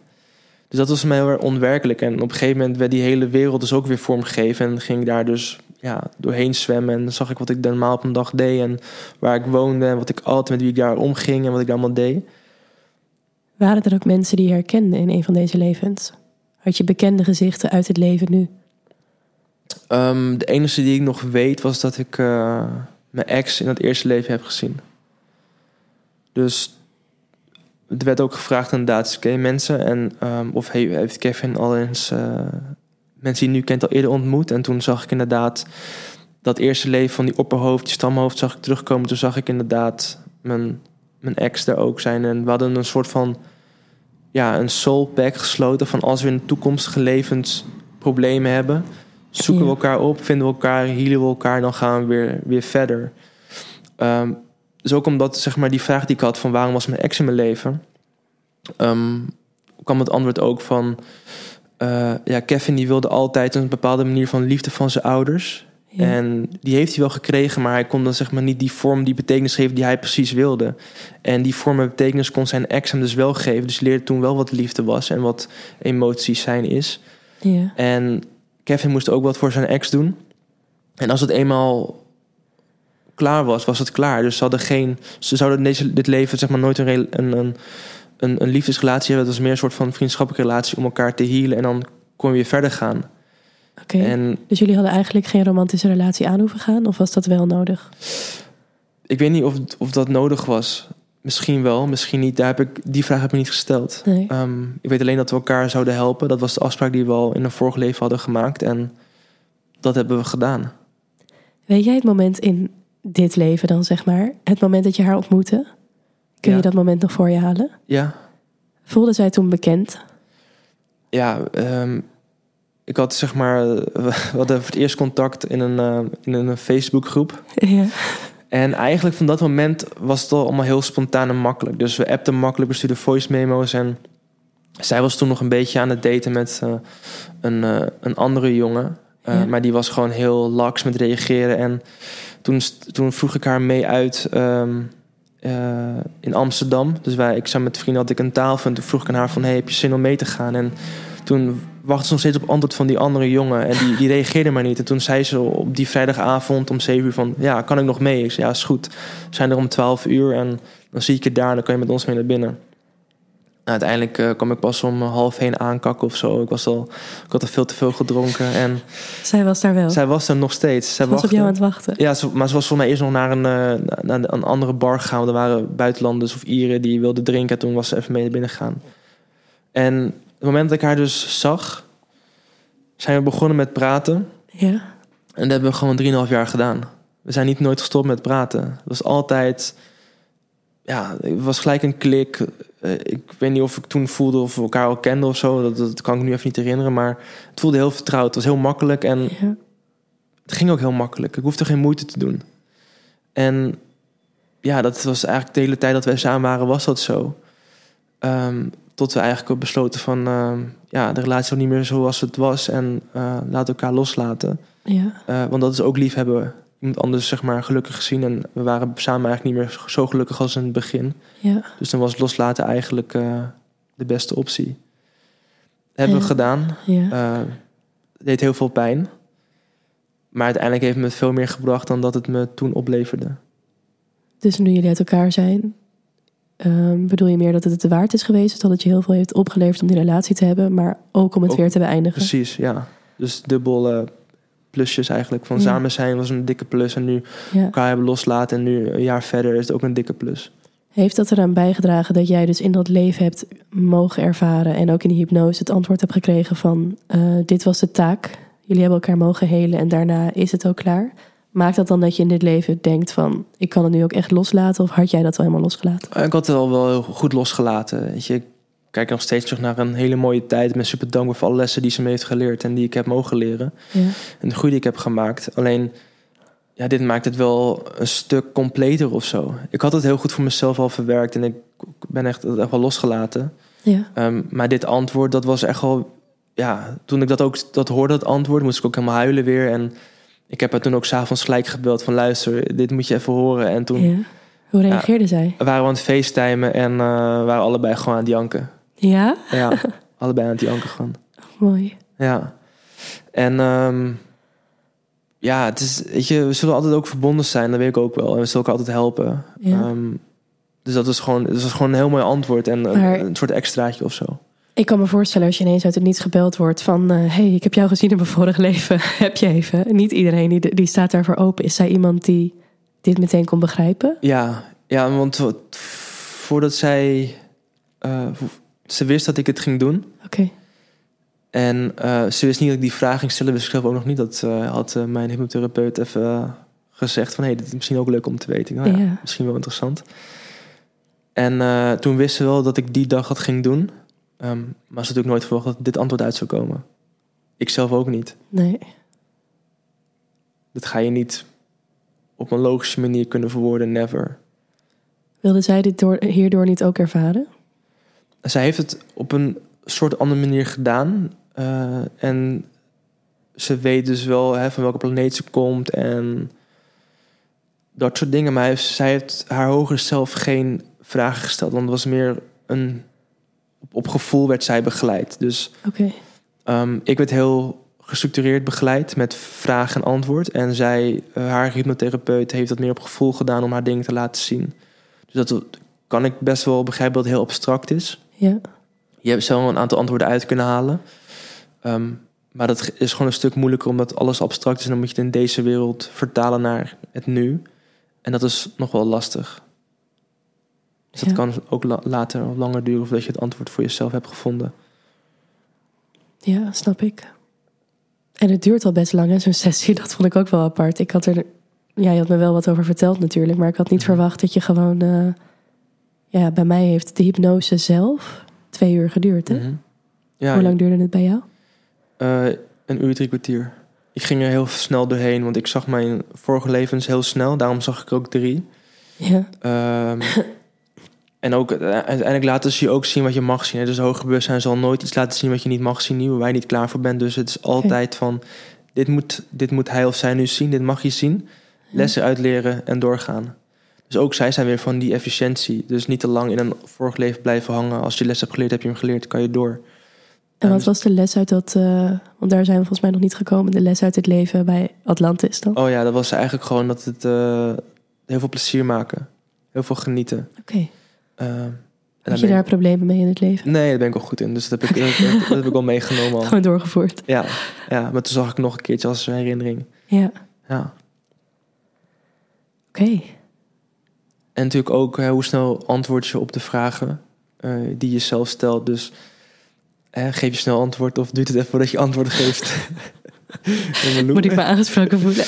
Nee, dat- je vond het zelf, zelf vond je het heel lang duren. Terwijl ik denk zo van ja, uiteindelijk eh, Nou, best achteraf, hè, toen ik de audio-opname terugluisterde, Mhm. toen dacht ik wel even van, eh, zo, wat een geduld moet jij hebben op je krukje naast mijn bed. Ja, het was niet het fijnste krukje waar ik op zat, nee. Maar ehm, ja, je moet wel geduld hebben. En uiteindelijk eh, ben ik de gids en ik moet je zo goed mogelijk begeleiden in die hypnose. Ja. Ja, dat eh, is nog best een kunst, denk ik. Want Ja. ik weet wel, ehm, vanuit mijn ervaring kan ik dan zeggen dat het nu, het hielp heel erg, ook al zag ik zelf wel dingen. De vragen die hij me stelde maakten dat het soort van meer vorm kreeg. Mhm.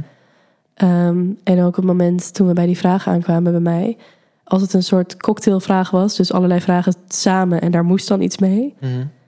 kwam er niet zoveel. En als je het dan heel klein maakte, dus op één dingetje, dan kwam daar direct een antwoord. Klopt, ja. En dan niet eens een antwoord wat, eh, wat ik zou kunnen bedenken. Mhm.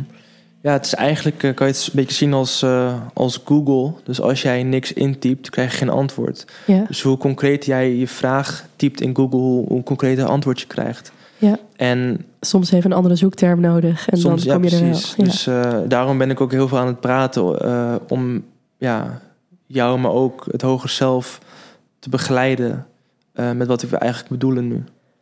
ja. Ja. Ik, eh, het werkte bij mij wel. Dat had ik niet verwacht. Ja, ja ik denk dat het sowieso bij iedereen wel werkt. Want eh, er zijn altijd vragen waar we antwoord op willen hebben. En als we hem logisch beantwoorden, dan beantwoorden we met kennis van nu. Ja, En je hebt dus, je vaart, va- vaak is een vraag ook komt uit een probleem. ja, Dus dan hou je dat probleem ook semi in stand, wat het met de kennis van nu beantwoord is. Dus je moet dan met meer kennis moet je het, het antwoord geven op de vraag om het probleem op te kunnen lossen. En met die hypnose, ja, is er gewoon te veel kennis. Dus dan krijg je sowieso een, een heel compleet antwoord.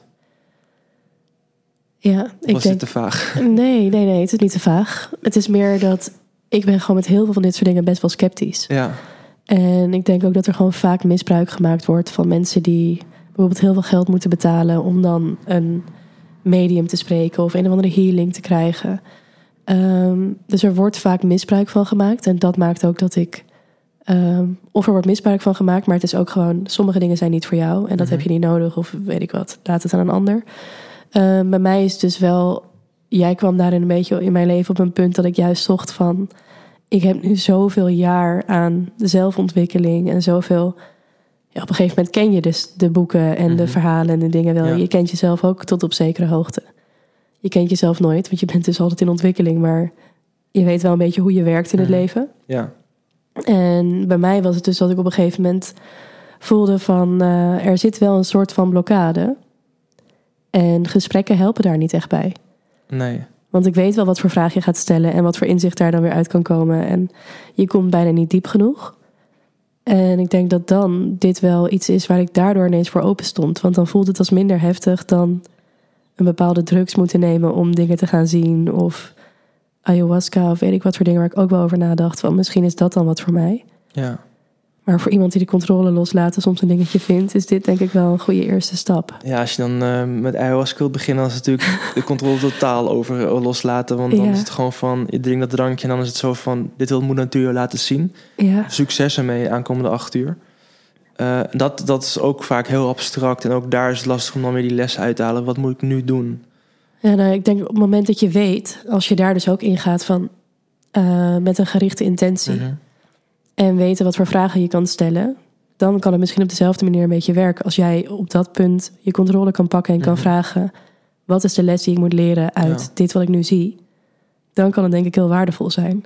Maar als je gewoon dat ondergaat en je hebt geen idee, je ziet van alles, maar je stelt geen vragen en je hebt geen intentie, Ja. dan, is de waarde er ja. misschien ook niet zo. Dan gaat alle kanten op, ja. Ja. Ja. Hoe vond je het om mij te hypnotiseren? Ja, eigenlijk net zoals alle anderen, gewoon eh, heel makkelijk en prettig. Het is gewoon, eh, ik ga lekker liggen en ik eh, doe mijn verhaaltje wel. Ja. En ehm, ja, dat was eigenlijk eh, heel prettig om te doen. Dat was, was, ja, heel normaal eigenlijk, ja. Ja? Ja. Het enige wat vaak terugkwam was jouw bewuste brein. Dus dat was ook wel grappig. Dus die moest ik af en toe even opzij zetten. Want nee, ik weet het niet. Mhm. Ja, ja, tuurlijk. Ik ga me even aan de kant bewuste breinen. En eh laat het onbewuste maar weer toe. Ehm, maar verder was het gewoon... eh, ja, zo noemen ze het tekstboek. Dus ik kon gewoon eh, mijn zinnetjes af. Kon je vragen stellen. Kon je naar begeleiden. Die kreeg je antwoorden. En dan ging ik door naar de volgende vraag. Ja, en dat vind ik ook wel grappig, want dat is dus op het stuk wanneer je vragen stelt. Wanneer ik ik zeg, weet jij dat ik het ben. Mhm.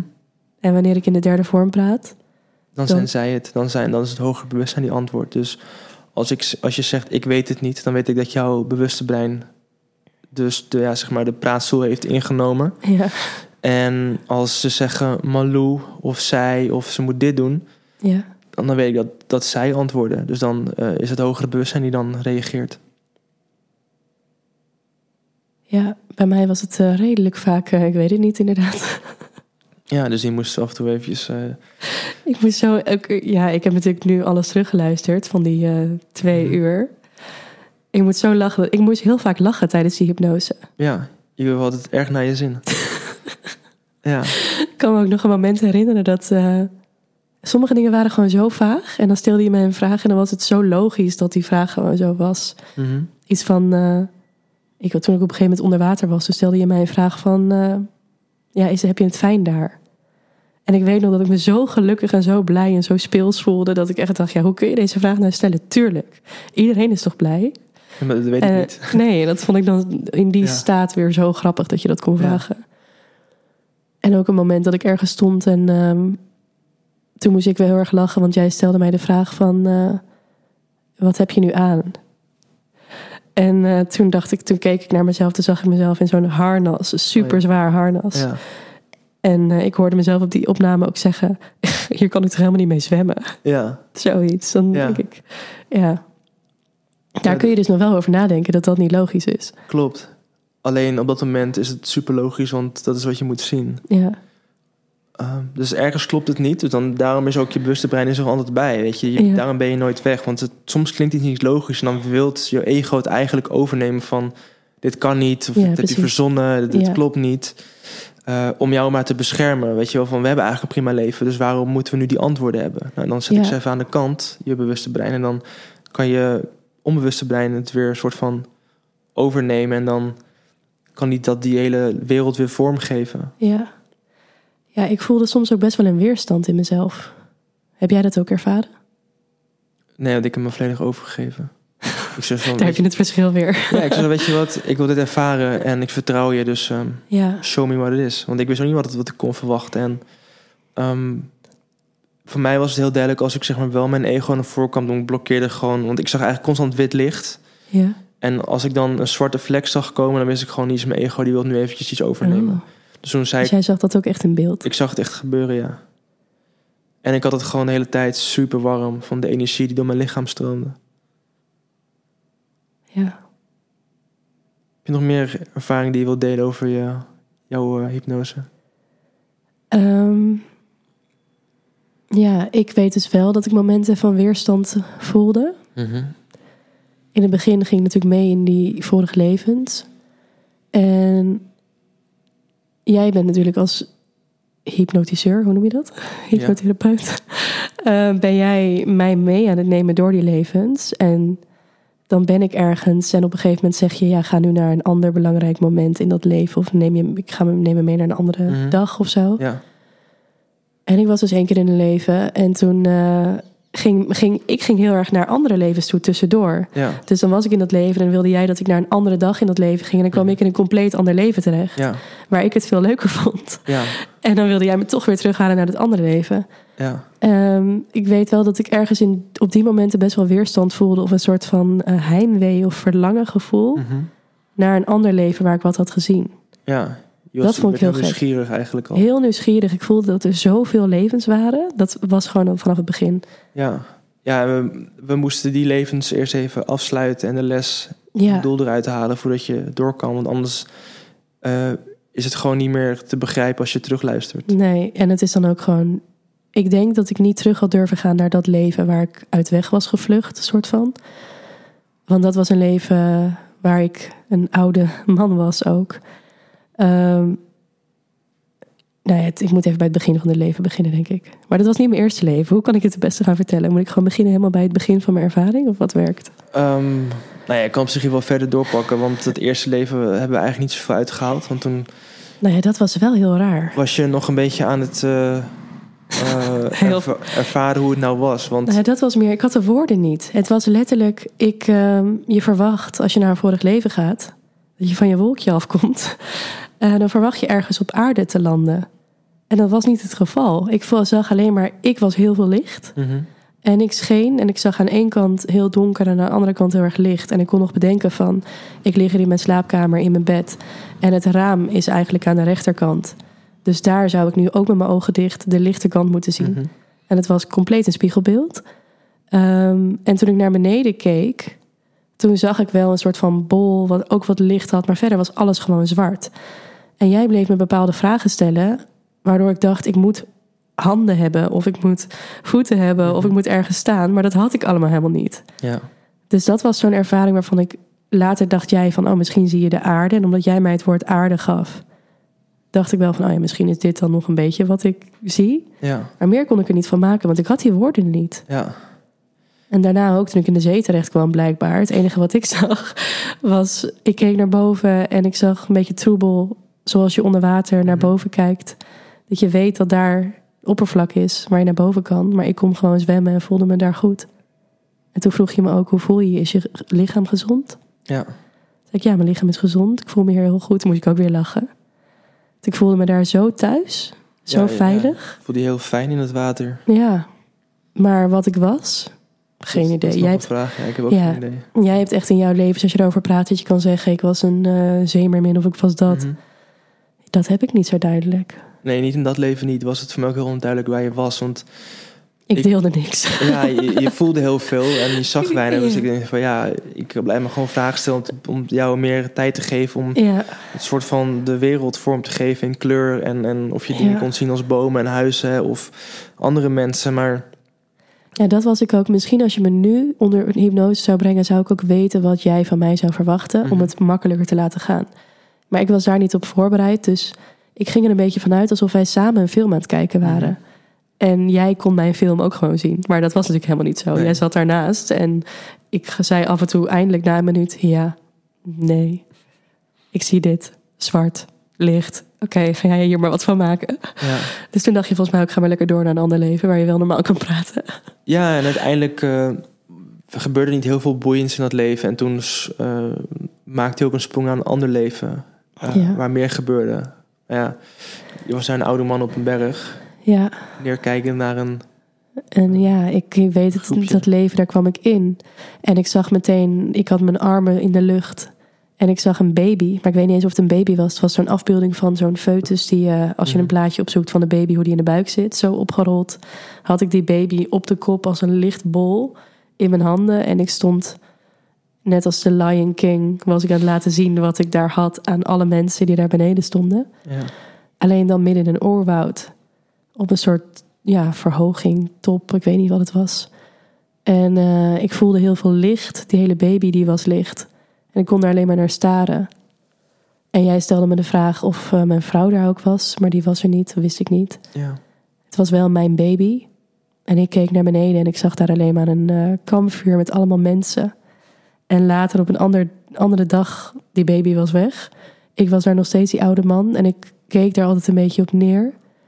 En elke keer als jij vroeg, ga eens wat dichter naar die mensen toe. Dan voelde het alsof ik werd weggeduwd door donkere energie. En ik Mhm. kon daar de woorden dus niet voor vinden Ja. op het moment dat ik daar was. Maar het was alsof een soort van zwarte verf op mij afgegooid werd Mm. vanaf dat kampvuur. En ehm, elke keer als ik er naartoe wilde, dan kon ik niet dichterbij. Dus ging ik maar weer op afstand mijn ding doen. En je vroeg me op een gegeven moment, het was continu donker ook. Ik kon alleen maar naar de ja, maan en sterren kijken. Ik Ja, kan me ook alleen maar de maan en de ja. sterren herinneren. En dat ik altijd naar boven keek. eh, iets van energieën of zo observeerde ik heel erg. Dus ik was altijd bezig met naar de boomtoppen kijken, wat daar gebeurde en of er iets veranderde aan de vogels of aan de lucht. En dan wist ik dat ik in actie moest komen of moest gaan beschermen of zo. Dus dat was wel mijn leven waarin ik blijkbaar een of andere wijze man was. En ik kwam er later achter dat eh, mijn taak ook was dat ik mensen daar wilde beschermen en vooral raad geven. Dat iedereen bij mij kwam om raad te geven. En eh, jij vroeg me op een gegeven moment om naar een moment te gaan dat het licht werd. Ja. En toen kon ik eindelijk bij dat kampvuur kijken. En daar waren allemaal kindjes aan het spelen, hadden bijna geen kleding aan. Allemaal donkere huid met een soort van kralen in hun haar. En ja, sieraden. Nou, ik kan het geen sieraden noemen. Het waren meer gewoon ook allemaal een soort van kralen die heel mooi om hun lichaam heen gehangen waren. Half naakt was iedereen. Ehm, en toen kon ik er zo naar kijken. En toen voelde ik van ja, zij spelen nog. Mhm. Ehm, maar ja, het gevaar komt op ons af. Ik voelde gewoon dat ik dat voor het laatst aan het observeren was, dat het nog goed ging. En ehm, voelde ook bij het kampvuur een ander moment kwam er weer een moment dat ik me heel warm en liefdevol voelde. Toen kon ik zeggen dat het mijn dochter was die mij knuffelde. Ja. Dat was ook heel bijzonder, maar vooral het gevoel van zoveel liefde ontvangen of zo. Mhm. Dat is heel echt. Het is echter nog bijna dan wanneer je in het echt een knuffel krijgt en liefde voelt. Nog intenser voelde ik dat in dat leven. Ja, misschien was het dat je ooit voor het eerst voelde hoe wat liefde is. Ja, Dat je het eerst in je zielenleven Ja, hebt gevoeld wat liefde is. En dan is dat natuurlijk enorm intens, want je kent dat nog nooit. Nee, dat niet. Dat is zo overweldigend. Ja. Want in dat leven was mijn vrouw ook al lang overleden. Misschien wel bij de geboorte van mijn dochter toen, Ja. dat weet ik niet. Uh, maar in ieder geval was mijn dochter licht. En dat licht knuffelde mij ook. Mhm. En bezocht me later ook af en toe. Ehm, en dat leven, die, toen ging ik naar een belangrijke dag in dat leven. Waar ik dus eigenlijk dood zou gaan, maar dat wist ik niet. Maar dat ging ik dus even omzeilen door in een heel ander leven terecht te komen. Waar jij geen idee van had. Want Daar zijn we Ja. nu weer. Toen was je opeens een, een meisje. Dus toen zei ik van, oké, even terug naar dat vorige leven. Ja. gaan we even afsluiten. ja, en ik voelde toen ook echt zo'n gevoel van nee. Ik wilde toen bijna boos worden op jou, maar dat kon ik in die staat niet. Maar van echt, ik wil dit leven ervaren. Het is hier veel leuker. Hier, Ja. hier, eh, hier wil ik blijven. Maar ik moest terug. En ik moest terug om te zien eh, dat ik op die open plek waar dat kampvuur altijd was, dat eh, ik daar dood moest gaan. Mhm. Maar dat wist ik toen nog niet. Ik stond midden op die open plek. En ik zei, ik wil niet naar boven kijken. Of ik wil niet in de bomen kijken. Oh ja. En ehm, toen zei je, doe dat toch maar wel of zo? Ja, kijk maar, wat hangt er dan? Waarom niet, wat hangt er dan? Ja, Wat is er in de bomen? En toen, ja toen, ehm, toen moest ik heel erg huilen ook. Ja. Ik ehm, voel, zag toen ineens allerlei lichaamsdelen van iedereen die daar woonde. Hele guber, maar... Ja, Ja. dat hing in die bomen. En ik zag ehm, in mijn hut had ik altijd een soort van koperen kommen en speren en weet ik allemaal dat soort dingen. Die stonden ook gewoon om mijn hut. En ook in die omgeving. We hadden ook ehm, al die dingen die waren ook een soort van gespiest door de mensen heen. En daar, dat hing weer tussen de bomen in. En ja, het was een heel, heel eng. Al die kralenkettingen die normaal om de mensen hingen, die hingen nu ook in de bomen. Echt heel ziek. Dat was wat ik allemaal zag. Nee, slagveld gewoon. Echt, ja. Maar ook weer heel rustig, want het was volgens mij al lang gebeurd en ik stond daar nog steeds. En jij vroeg mij ook, heb je al gegeten? Ja. Of zo? Of, of heb je honger? Toen zei ik ook, nee, ik heb al heel lang niet meer gegeten. Misschien al wel jaren niet of zo. En toen zag ik mezelf dus ook van de honger sterven Ja. op die plek. Oh, gadverdamme. Dan denk ik echt, hoe... Ja, want ik, ben nog, ik zit in die hele hypnose van... Is het niet zo dat je dit in bepaalde mate ook zelf kan bedenken? Ik bedoel, we hebben allemaal genoeg films gekeken. We hebben boeken gelezen.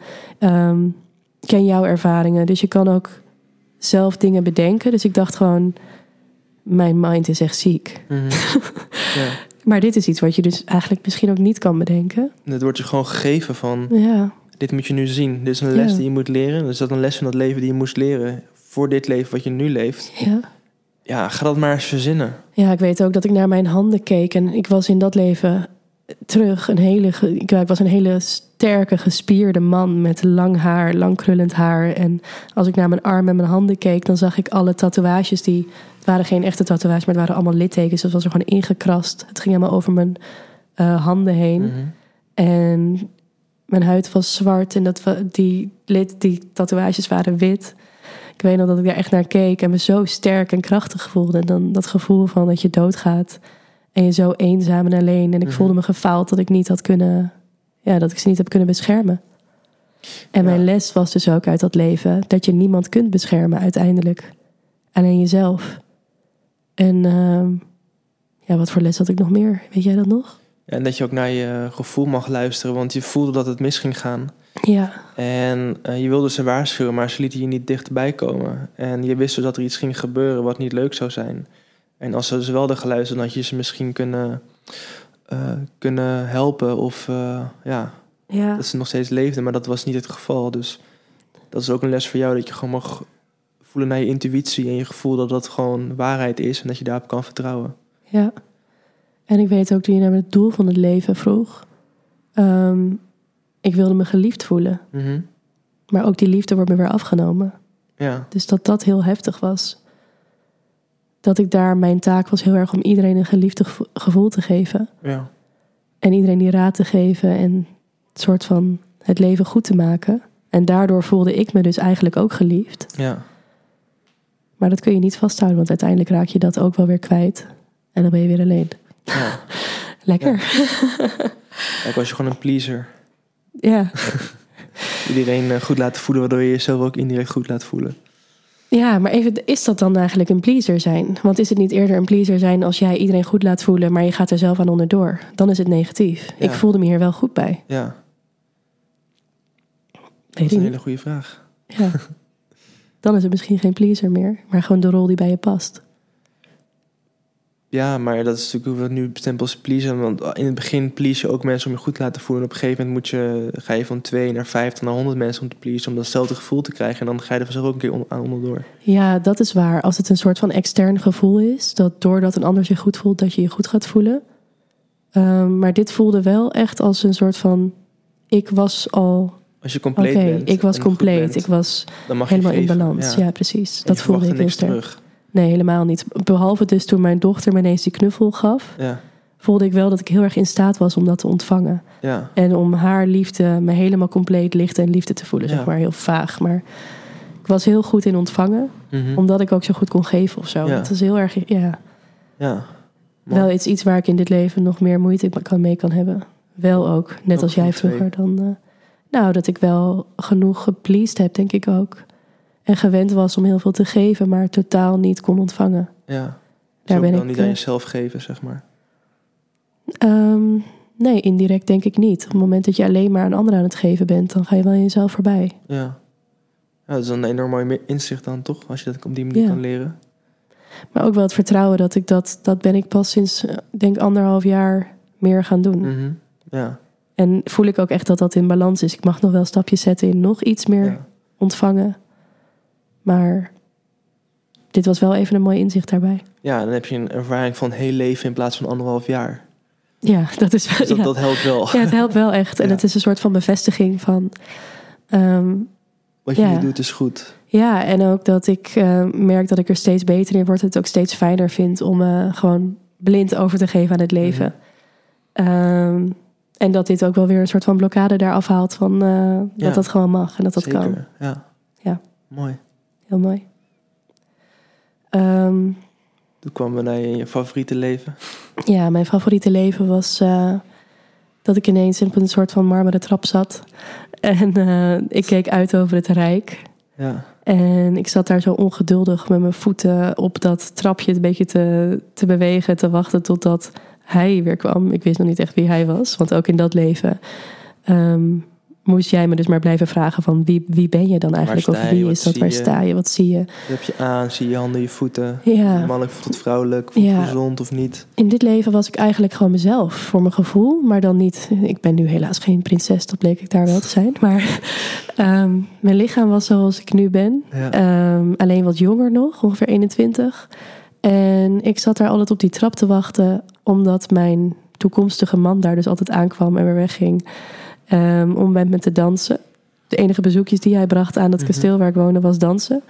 Ehm, volgens mij spraken we ook amper met elkaar, maar ik was wel verliefd, dacht ik.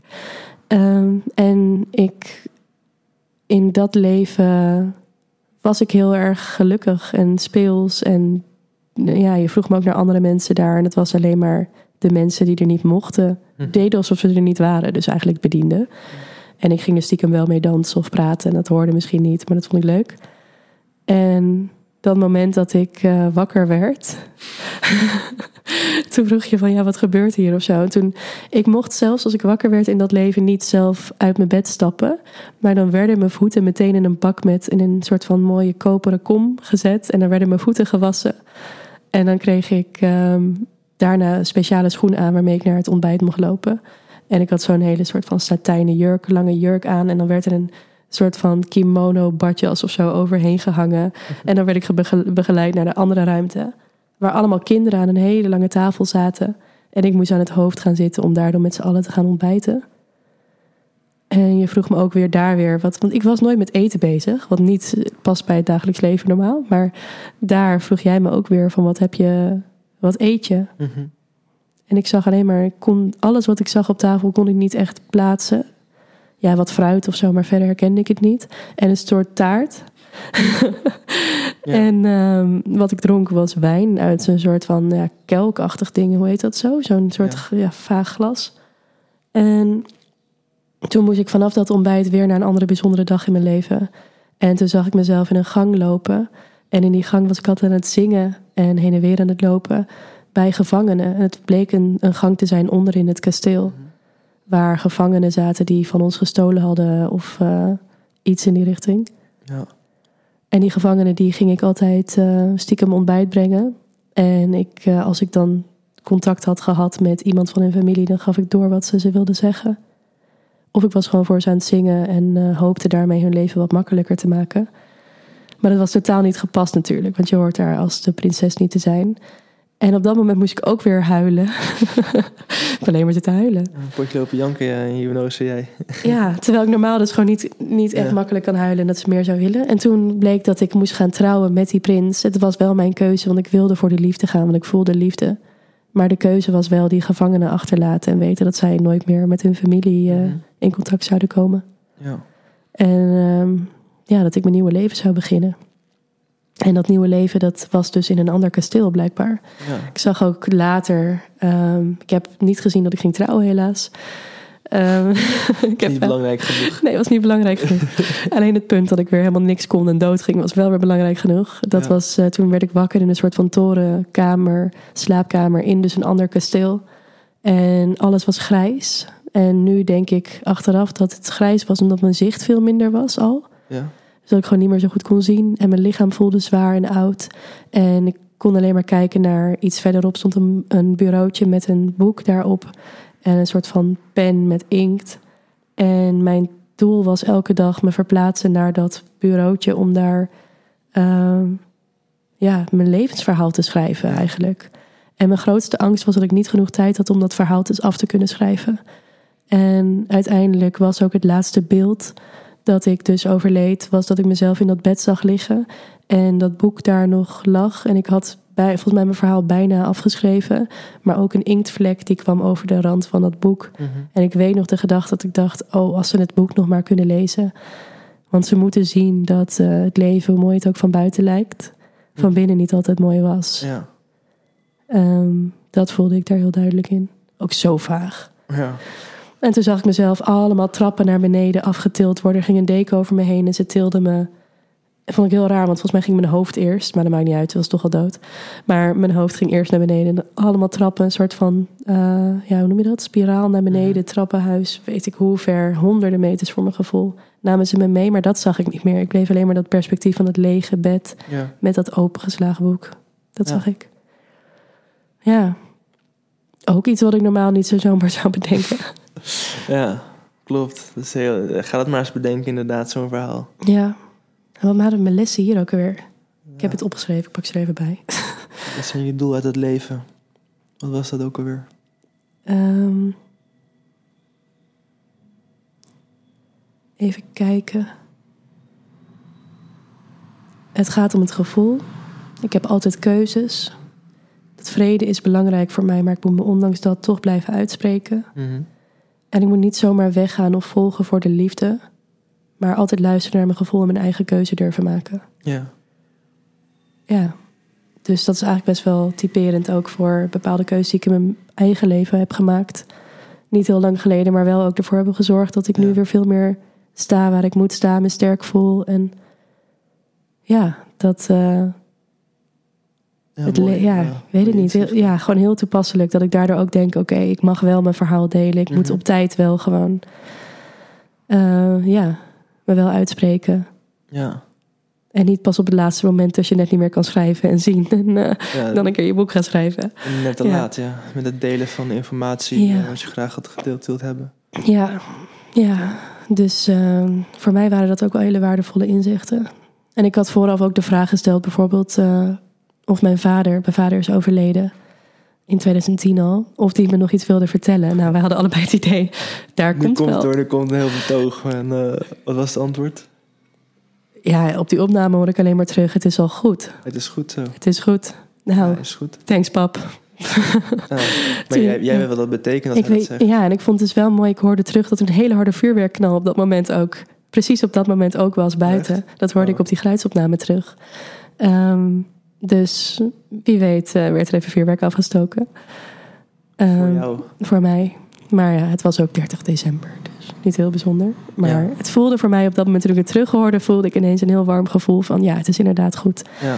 En ook wel omdat eh, ik al mijn hele leven, sinds hij is overleden, emotioneel word. Het enige moment bijna dat ik echt bij hem stilsta is met oud en nieuw. Om Ja. 12 uur s'nachts, wanneer het vuurwerk de lucht in gaat, heb Ja. ik altijd het gedachte gehad van ehm, dat gaat nu naar hem toe. Voelde ik me iets meer dicht, dichtbij, meer verbonden. Dus op die, toen ik die opname terug hoorde, toen dacht ik wel, hey, dit is wel even heel toepasselijk. Dan geeft die eh, vuurpijl die je hoort dan Ja, eh, veel het was de enige knal van vuurwerk in die twee uur audio-opname die ik terugluisterde. Ja. Dus daarin is het toch wel weer een bijzonder antwoord geweest. Ja. Ja. Ja, Hij wist dat die vraag zou komen, dus... eh, ja. Ja, het heeft mij in dat opzicht wel ehm, inzichten gegeven, vragen die beantwoord zijn. Maar vooral denk ik nog een stukje meer vertrouwen op mezelf en weten dat die, ja, je, je roept die hogere zelf wel een soort van op. Mhm. Maar aan de andere kant zit het ook al in me, in me natuurlijk. het zit in je, ja. Je bent het ook. En, ja, dus je ehm, geeft jezelf indirect die antwoorden. Ja, alleen we kunnen niet altijd die antwoorden zeg maar, in het dagelijks leven ontvangen. Of in ieder geval ont- wel ontvangen, maar niet ontcijferen. Nee. En nu ontcijfer je ze, eh, zeg maar. Ja. Ja, en achteraf toen we aan het napraten waren, toen kwamen we er wel achter dat ik waarschijnlijk ook Atlantis was. In Atlantis, Oh, weet ja. ik wat. Ja, Dat was dus denk ik dat leven waar ik ineens... want ik ben ook nog in een ander leven geweest. Eerst was ik op het water, dat was te vaag, dus je wil me daar wegkrijgen, want ik kon niks logisch Ja. vertellen. ja, dat was niks interessants. En daarna kwam ik op een soort van verlaten stad. Wat niet echt een stad was, maar alles was afgebroken. Mhm. Een soort ja, Romeins kon ik alleen maar uitbrengen. En zo was het ook. Een soort van pilaren die omgevallen waren. Sommige dingen stonden nog half overeind. En bij mij was er niemand. Dus ik was eigenlijk in elk leven, ook daar stond ik daar weer alleen. Mhm. Ehm, ik voelde me heel erg verbonden met de zee, maar ik was daar en stond gewoon alleen. En ehm, eigenlijk in elk leven stond ik net buiten de rest van de mensen. Ik heb ook geen herinnering aan bekenden of mensen. Ja, nee, ik was gewoon bijna altijd alleen. Ja, Terwijl was, jij in eh, jouw leven dus heel erg verbonden was en Ja, met anderen samen. ja, jij had gewoon moeten zien dat je alleen ook heel krachtig bent misschien. Dat je niet afhankelijk hoeft te zijn van iemand anders. Ja, En ja, ik zag heel veel mensen om me heen elke keer. Maar ook op het moment dat ik alleen was, Ehm, maar goed, dat kan je natuurlijk allemaal een betekenis geven. En uiteindelijk gaat het om de les uit dat leven wat je nu kan toepassen. Ja, En die waren wel heel erg eh, ja, toepasselijk allemaal. Ja, als je klopt. terugkijkt. Ik denk ook dat dat nu... Het is nu natuurlijk pas een paar dagen geleden dat mijn sessie is geweest. Mhm. Maar dat ik nu mag gaan ervaren in de dingen die op mijn pad gaan komen. Of ik daadwerkelijk anders handel of meer vertrouwen daarin heb door deze lessen. Daar ben ik wel benieuwd naar. Ben je al langs die basisscholen gaan lopen? Nee? Nee, dat moet ik nog doen. Nou, daar ben ik dan nieuwsgierig naar dan. Ja, Welk gevoel bij welke basisschool je Ja. krijgt en welke dan echt overduidelijk anders is. ja, ik had de vraag ook gesteld wat voor basisschool ik mijn zoontje naartoe moest doen. Omdat ik het niet zo goed weet wat bij hem zou passen. En eh, ze hebben het antwoord gegeven dat ik er langs moest lopen. En dat mijn gevoel bij de meest dichtbijzijnde waarschijnlijk. Ja, de, de me meest dichtbijzijnde zou makkelijk zijn, maar ze lieten een gevoel, lieten ze je een gevoel voelen die bij de basisschool hoort, Ja. waar, je, waar die heen moet of hoort. Misschien moet ik dat straks nog maar even doen. Nou, ja, ik ben benieuwd naar het antwoord. ja, ik ook. Ja. Zijn er dingen waar jij eh, nog iets van wil delen uit je leven, uit je hypnose? Ehm, ja, het is een heel mooie, mooie tool om antwoorden te krijgen. En, want je kan het heel erg controleren. En dat maakt het voor ons als ja, ook wel logische mensen, beings, zeg maar, heel, heel prettig. Want Ja, je stelt een vraag en je krijgt antwoord en je kan er gelijk iets mee doen. En wat ik denk, als je dus eh, plantmedicijn gebruikt, truffels of ayahuasca, of iets dergelijks, dan kan het te abstract zijn om het zeg maar dit leven te begrijpen. Want we zijn niet nog, eh, hè, we leven natuurlijk allemaal op frequenties. En die frequentie dat je de antwoord krijgt, is zeg maar een hogere frequentie dan wat wij als mensen nu leven. Dus dan begrijp je dat antwoord niet. En nu wordt die zeg maar afgetuned op of, ja, de frequentie die jij spreekt of kan ontvangen. ja, Waardoor het antwoord gewoon heel logisch en duidelijk is en dat je er gelijk iets mee kan doen. ja, Dus ja, het is een hele mooie hypnose om eh, ja, achter bepaalde antwoorden te komen en ook achter dingen te komen waarom je iets doet in het leven. En ehm, mijn broertje bijvoorbeeld, die heeft constant, is hij gepest, is hij, heeft hij een slecht zelfbeeld gehad, een eetstoornis gehad en constant eigenlijk tegenslagen van ja, waarom heb je dat gehad? En hij moest dus heel erg leren eh, op, op, in de wereld van wat het is om tegenslagen te hebben, want hij heeft heel lang in, in ja, verlichting en positiviteit en liefde geleefd om dat dan weer uit te balanceren, zeg maar. Dus hij moet Ja. eerst weten wat dat is. En als hij dan weer zijn pad bewandelt, dan kan hij eh, een fijn leven hebben. Dus het klinkt allemaal heel, heel ernstig, maar uiteindelijk kies je het leven, je kiest je problemen voordat je geboren bent. En de ja lessen daar die... geloofde ik sowieso Ja. eigenlijk al in, maar heel veel mensen ook niet natuurlijk. Dus dat is wel, moet je in dat soort dingen geloven? Moet je in vorige levens geloven? Wil het werken? Nee. Nee, je hoeft er niet in te geloven. Mag wel, hoeft niet. En als je niet in gelooft, dan zie je het vanzelf wel gebeuren. Ja, Ehm, dus ja, je kiest inderdaad echt je leven, je kiest je uitdaging, je kiest je ouders. En soms kan het natuurlijk heel erg makkelijk klinken als je dus nu een, een, een hele negatieve periode hebt. Van ja, hoezo kies ik hiervoor? ja precies. Maar uiteindelijk zit daar een les achter eh, die je moet leren, die je verplicht bent om te leren naar jezelf. Ja, Eh, want wanneer je dus eh, overlijdt, dan wordt jouw leven ook doorgenomen en gaan ze kijken ook boven van wat heb je wel en niet gedaan en wat moet je in het volgende leven dan opnieuw leren of nog een keer leren. ja. Dus eigenlijk de conclusie voor mij daaruit is ook wel... ehm, heel veel mensen die zien spiritualiteit als een soort van doel nu... om maar verlicht te zijn Mhm. of wat dan ook. Maar voor mij is het ook juist... je hebt dit leven niet voor niets. Om de aardse ervaring mee te maken Ja. en gewoon te leven... speels te zijn, Mhm. eh, dingen aan te gaan, pijn te ervaren, verliefd te worden. Ja, Dat was bij mij natuurlijk ook echt wel een ding dat ik ja, van tevoren zei van ik hoop meer bij mijn gevoel te komen. Mhm. En wat is er voor nodig om weer liefde toe te laten in mijn leven of zo, zoiets. ja je wilde weten hoe je weer kon openstellen intimiteit of zo, of relaties. En Ja, die richting. Dat ik daar weer voelde dat ik misschien daar nog iets te afhoudend in was.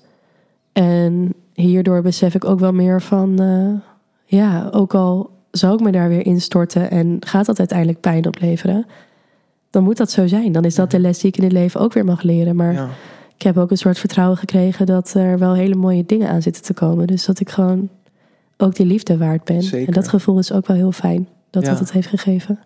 Ja het is, we, we zijn hier in het leven om te ervaren. En ehm, ja, soms is het wat minder leuk, soms is het heel erg leuk. En het hoort er allebei bij. En dat is natuurlijk ook die yin en yang, het zwarte-witte. Ja, Het wit in de zwart, het zwart in de witte, dualiteit. dat is dus ook wat ik in dat leven heel erg heb gezien. Van, eh, dat ik die gevangenen bezocht. Ehm, en ook in dat boek, ik weet nog dat ik met het laatste gevoel daar lag van... ik wil mensen kunnen laten zien dat, uh, ook al lijkt dit leven heel mooi... waar ik hier een prinses ben en weer met de prins ben mhm. getrouwd van een ander rijk... en zo verzorgd wordt en het zo geweldig is... ook daar voelde ik me depressief aan het einde van mijn leven... en kon ik eigenlijk niks meer. Mijn man was al lang overleden... En uh, ook die, die gevangenen zaten ook gewoon verstopt onderin het kasteel. Niemand mocht het zien, maar dat was er wel. Ja. En dat was wel het hele verhaal wat ik naar buiten wilde brengen daar. Ja. Dus daarin was ook wel weer heel duidelijk van... Uh, ja, overal is het kwaad en het goede. Ja. Dat hoort nou eenmaal bij dit leven. We hoeven niet te doen alsof we perfect zijn. Ja. Of we het zo goed hebben. Maar um, ja... Ja. Het uh, mag er allemaal zijn. Het mag er zijn en het moet ook gezien worden. Ja. En jij maakt het lekker bewust. Ik maak het heel bewust, ja. Waar kunnen mensen jou vinden als ze coaching of hypnose of iets in die richting willen gaan doen? Uh, ze kunnen we vinden op Instagram, op uh, Kevin Landman. En dan kunnen ze eigenlijk alles wel vinden. Van website tot adviezen. Ze kunnen altijd een DM'tje sturen als ze iets uh, willen weten. Ik wil graag met jullie connecten. Ja. Mooi. Dankjewel voor het mooie gesprek. Jij bedankt voor de uitnodiging. Bedankt voor het luisteren. Heb jij hier een inzicht uit kunnen halen? Deel dit dan met mij. Dat vind ik altijd leuk om te horen. Ook helpt het mij als je deze aflevering wilt delen en als je via Apple een rating en review wilt achterlaten. Ook abonneren via Spotify is meer dan welkom.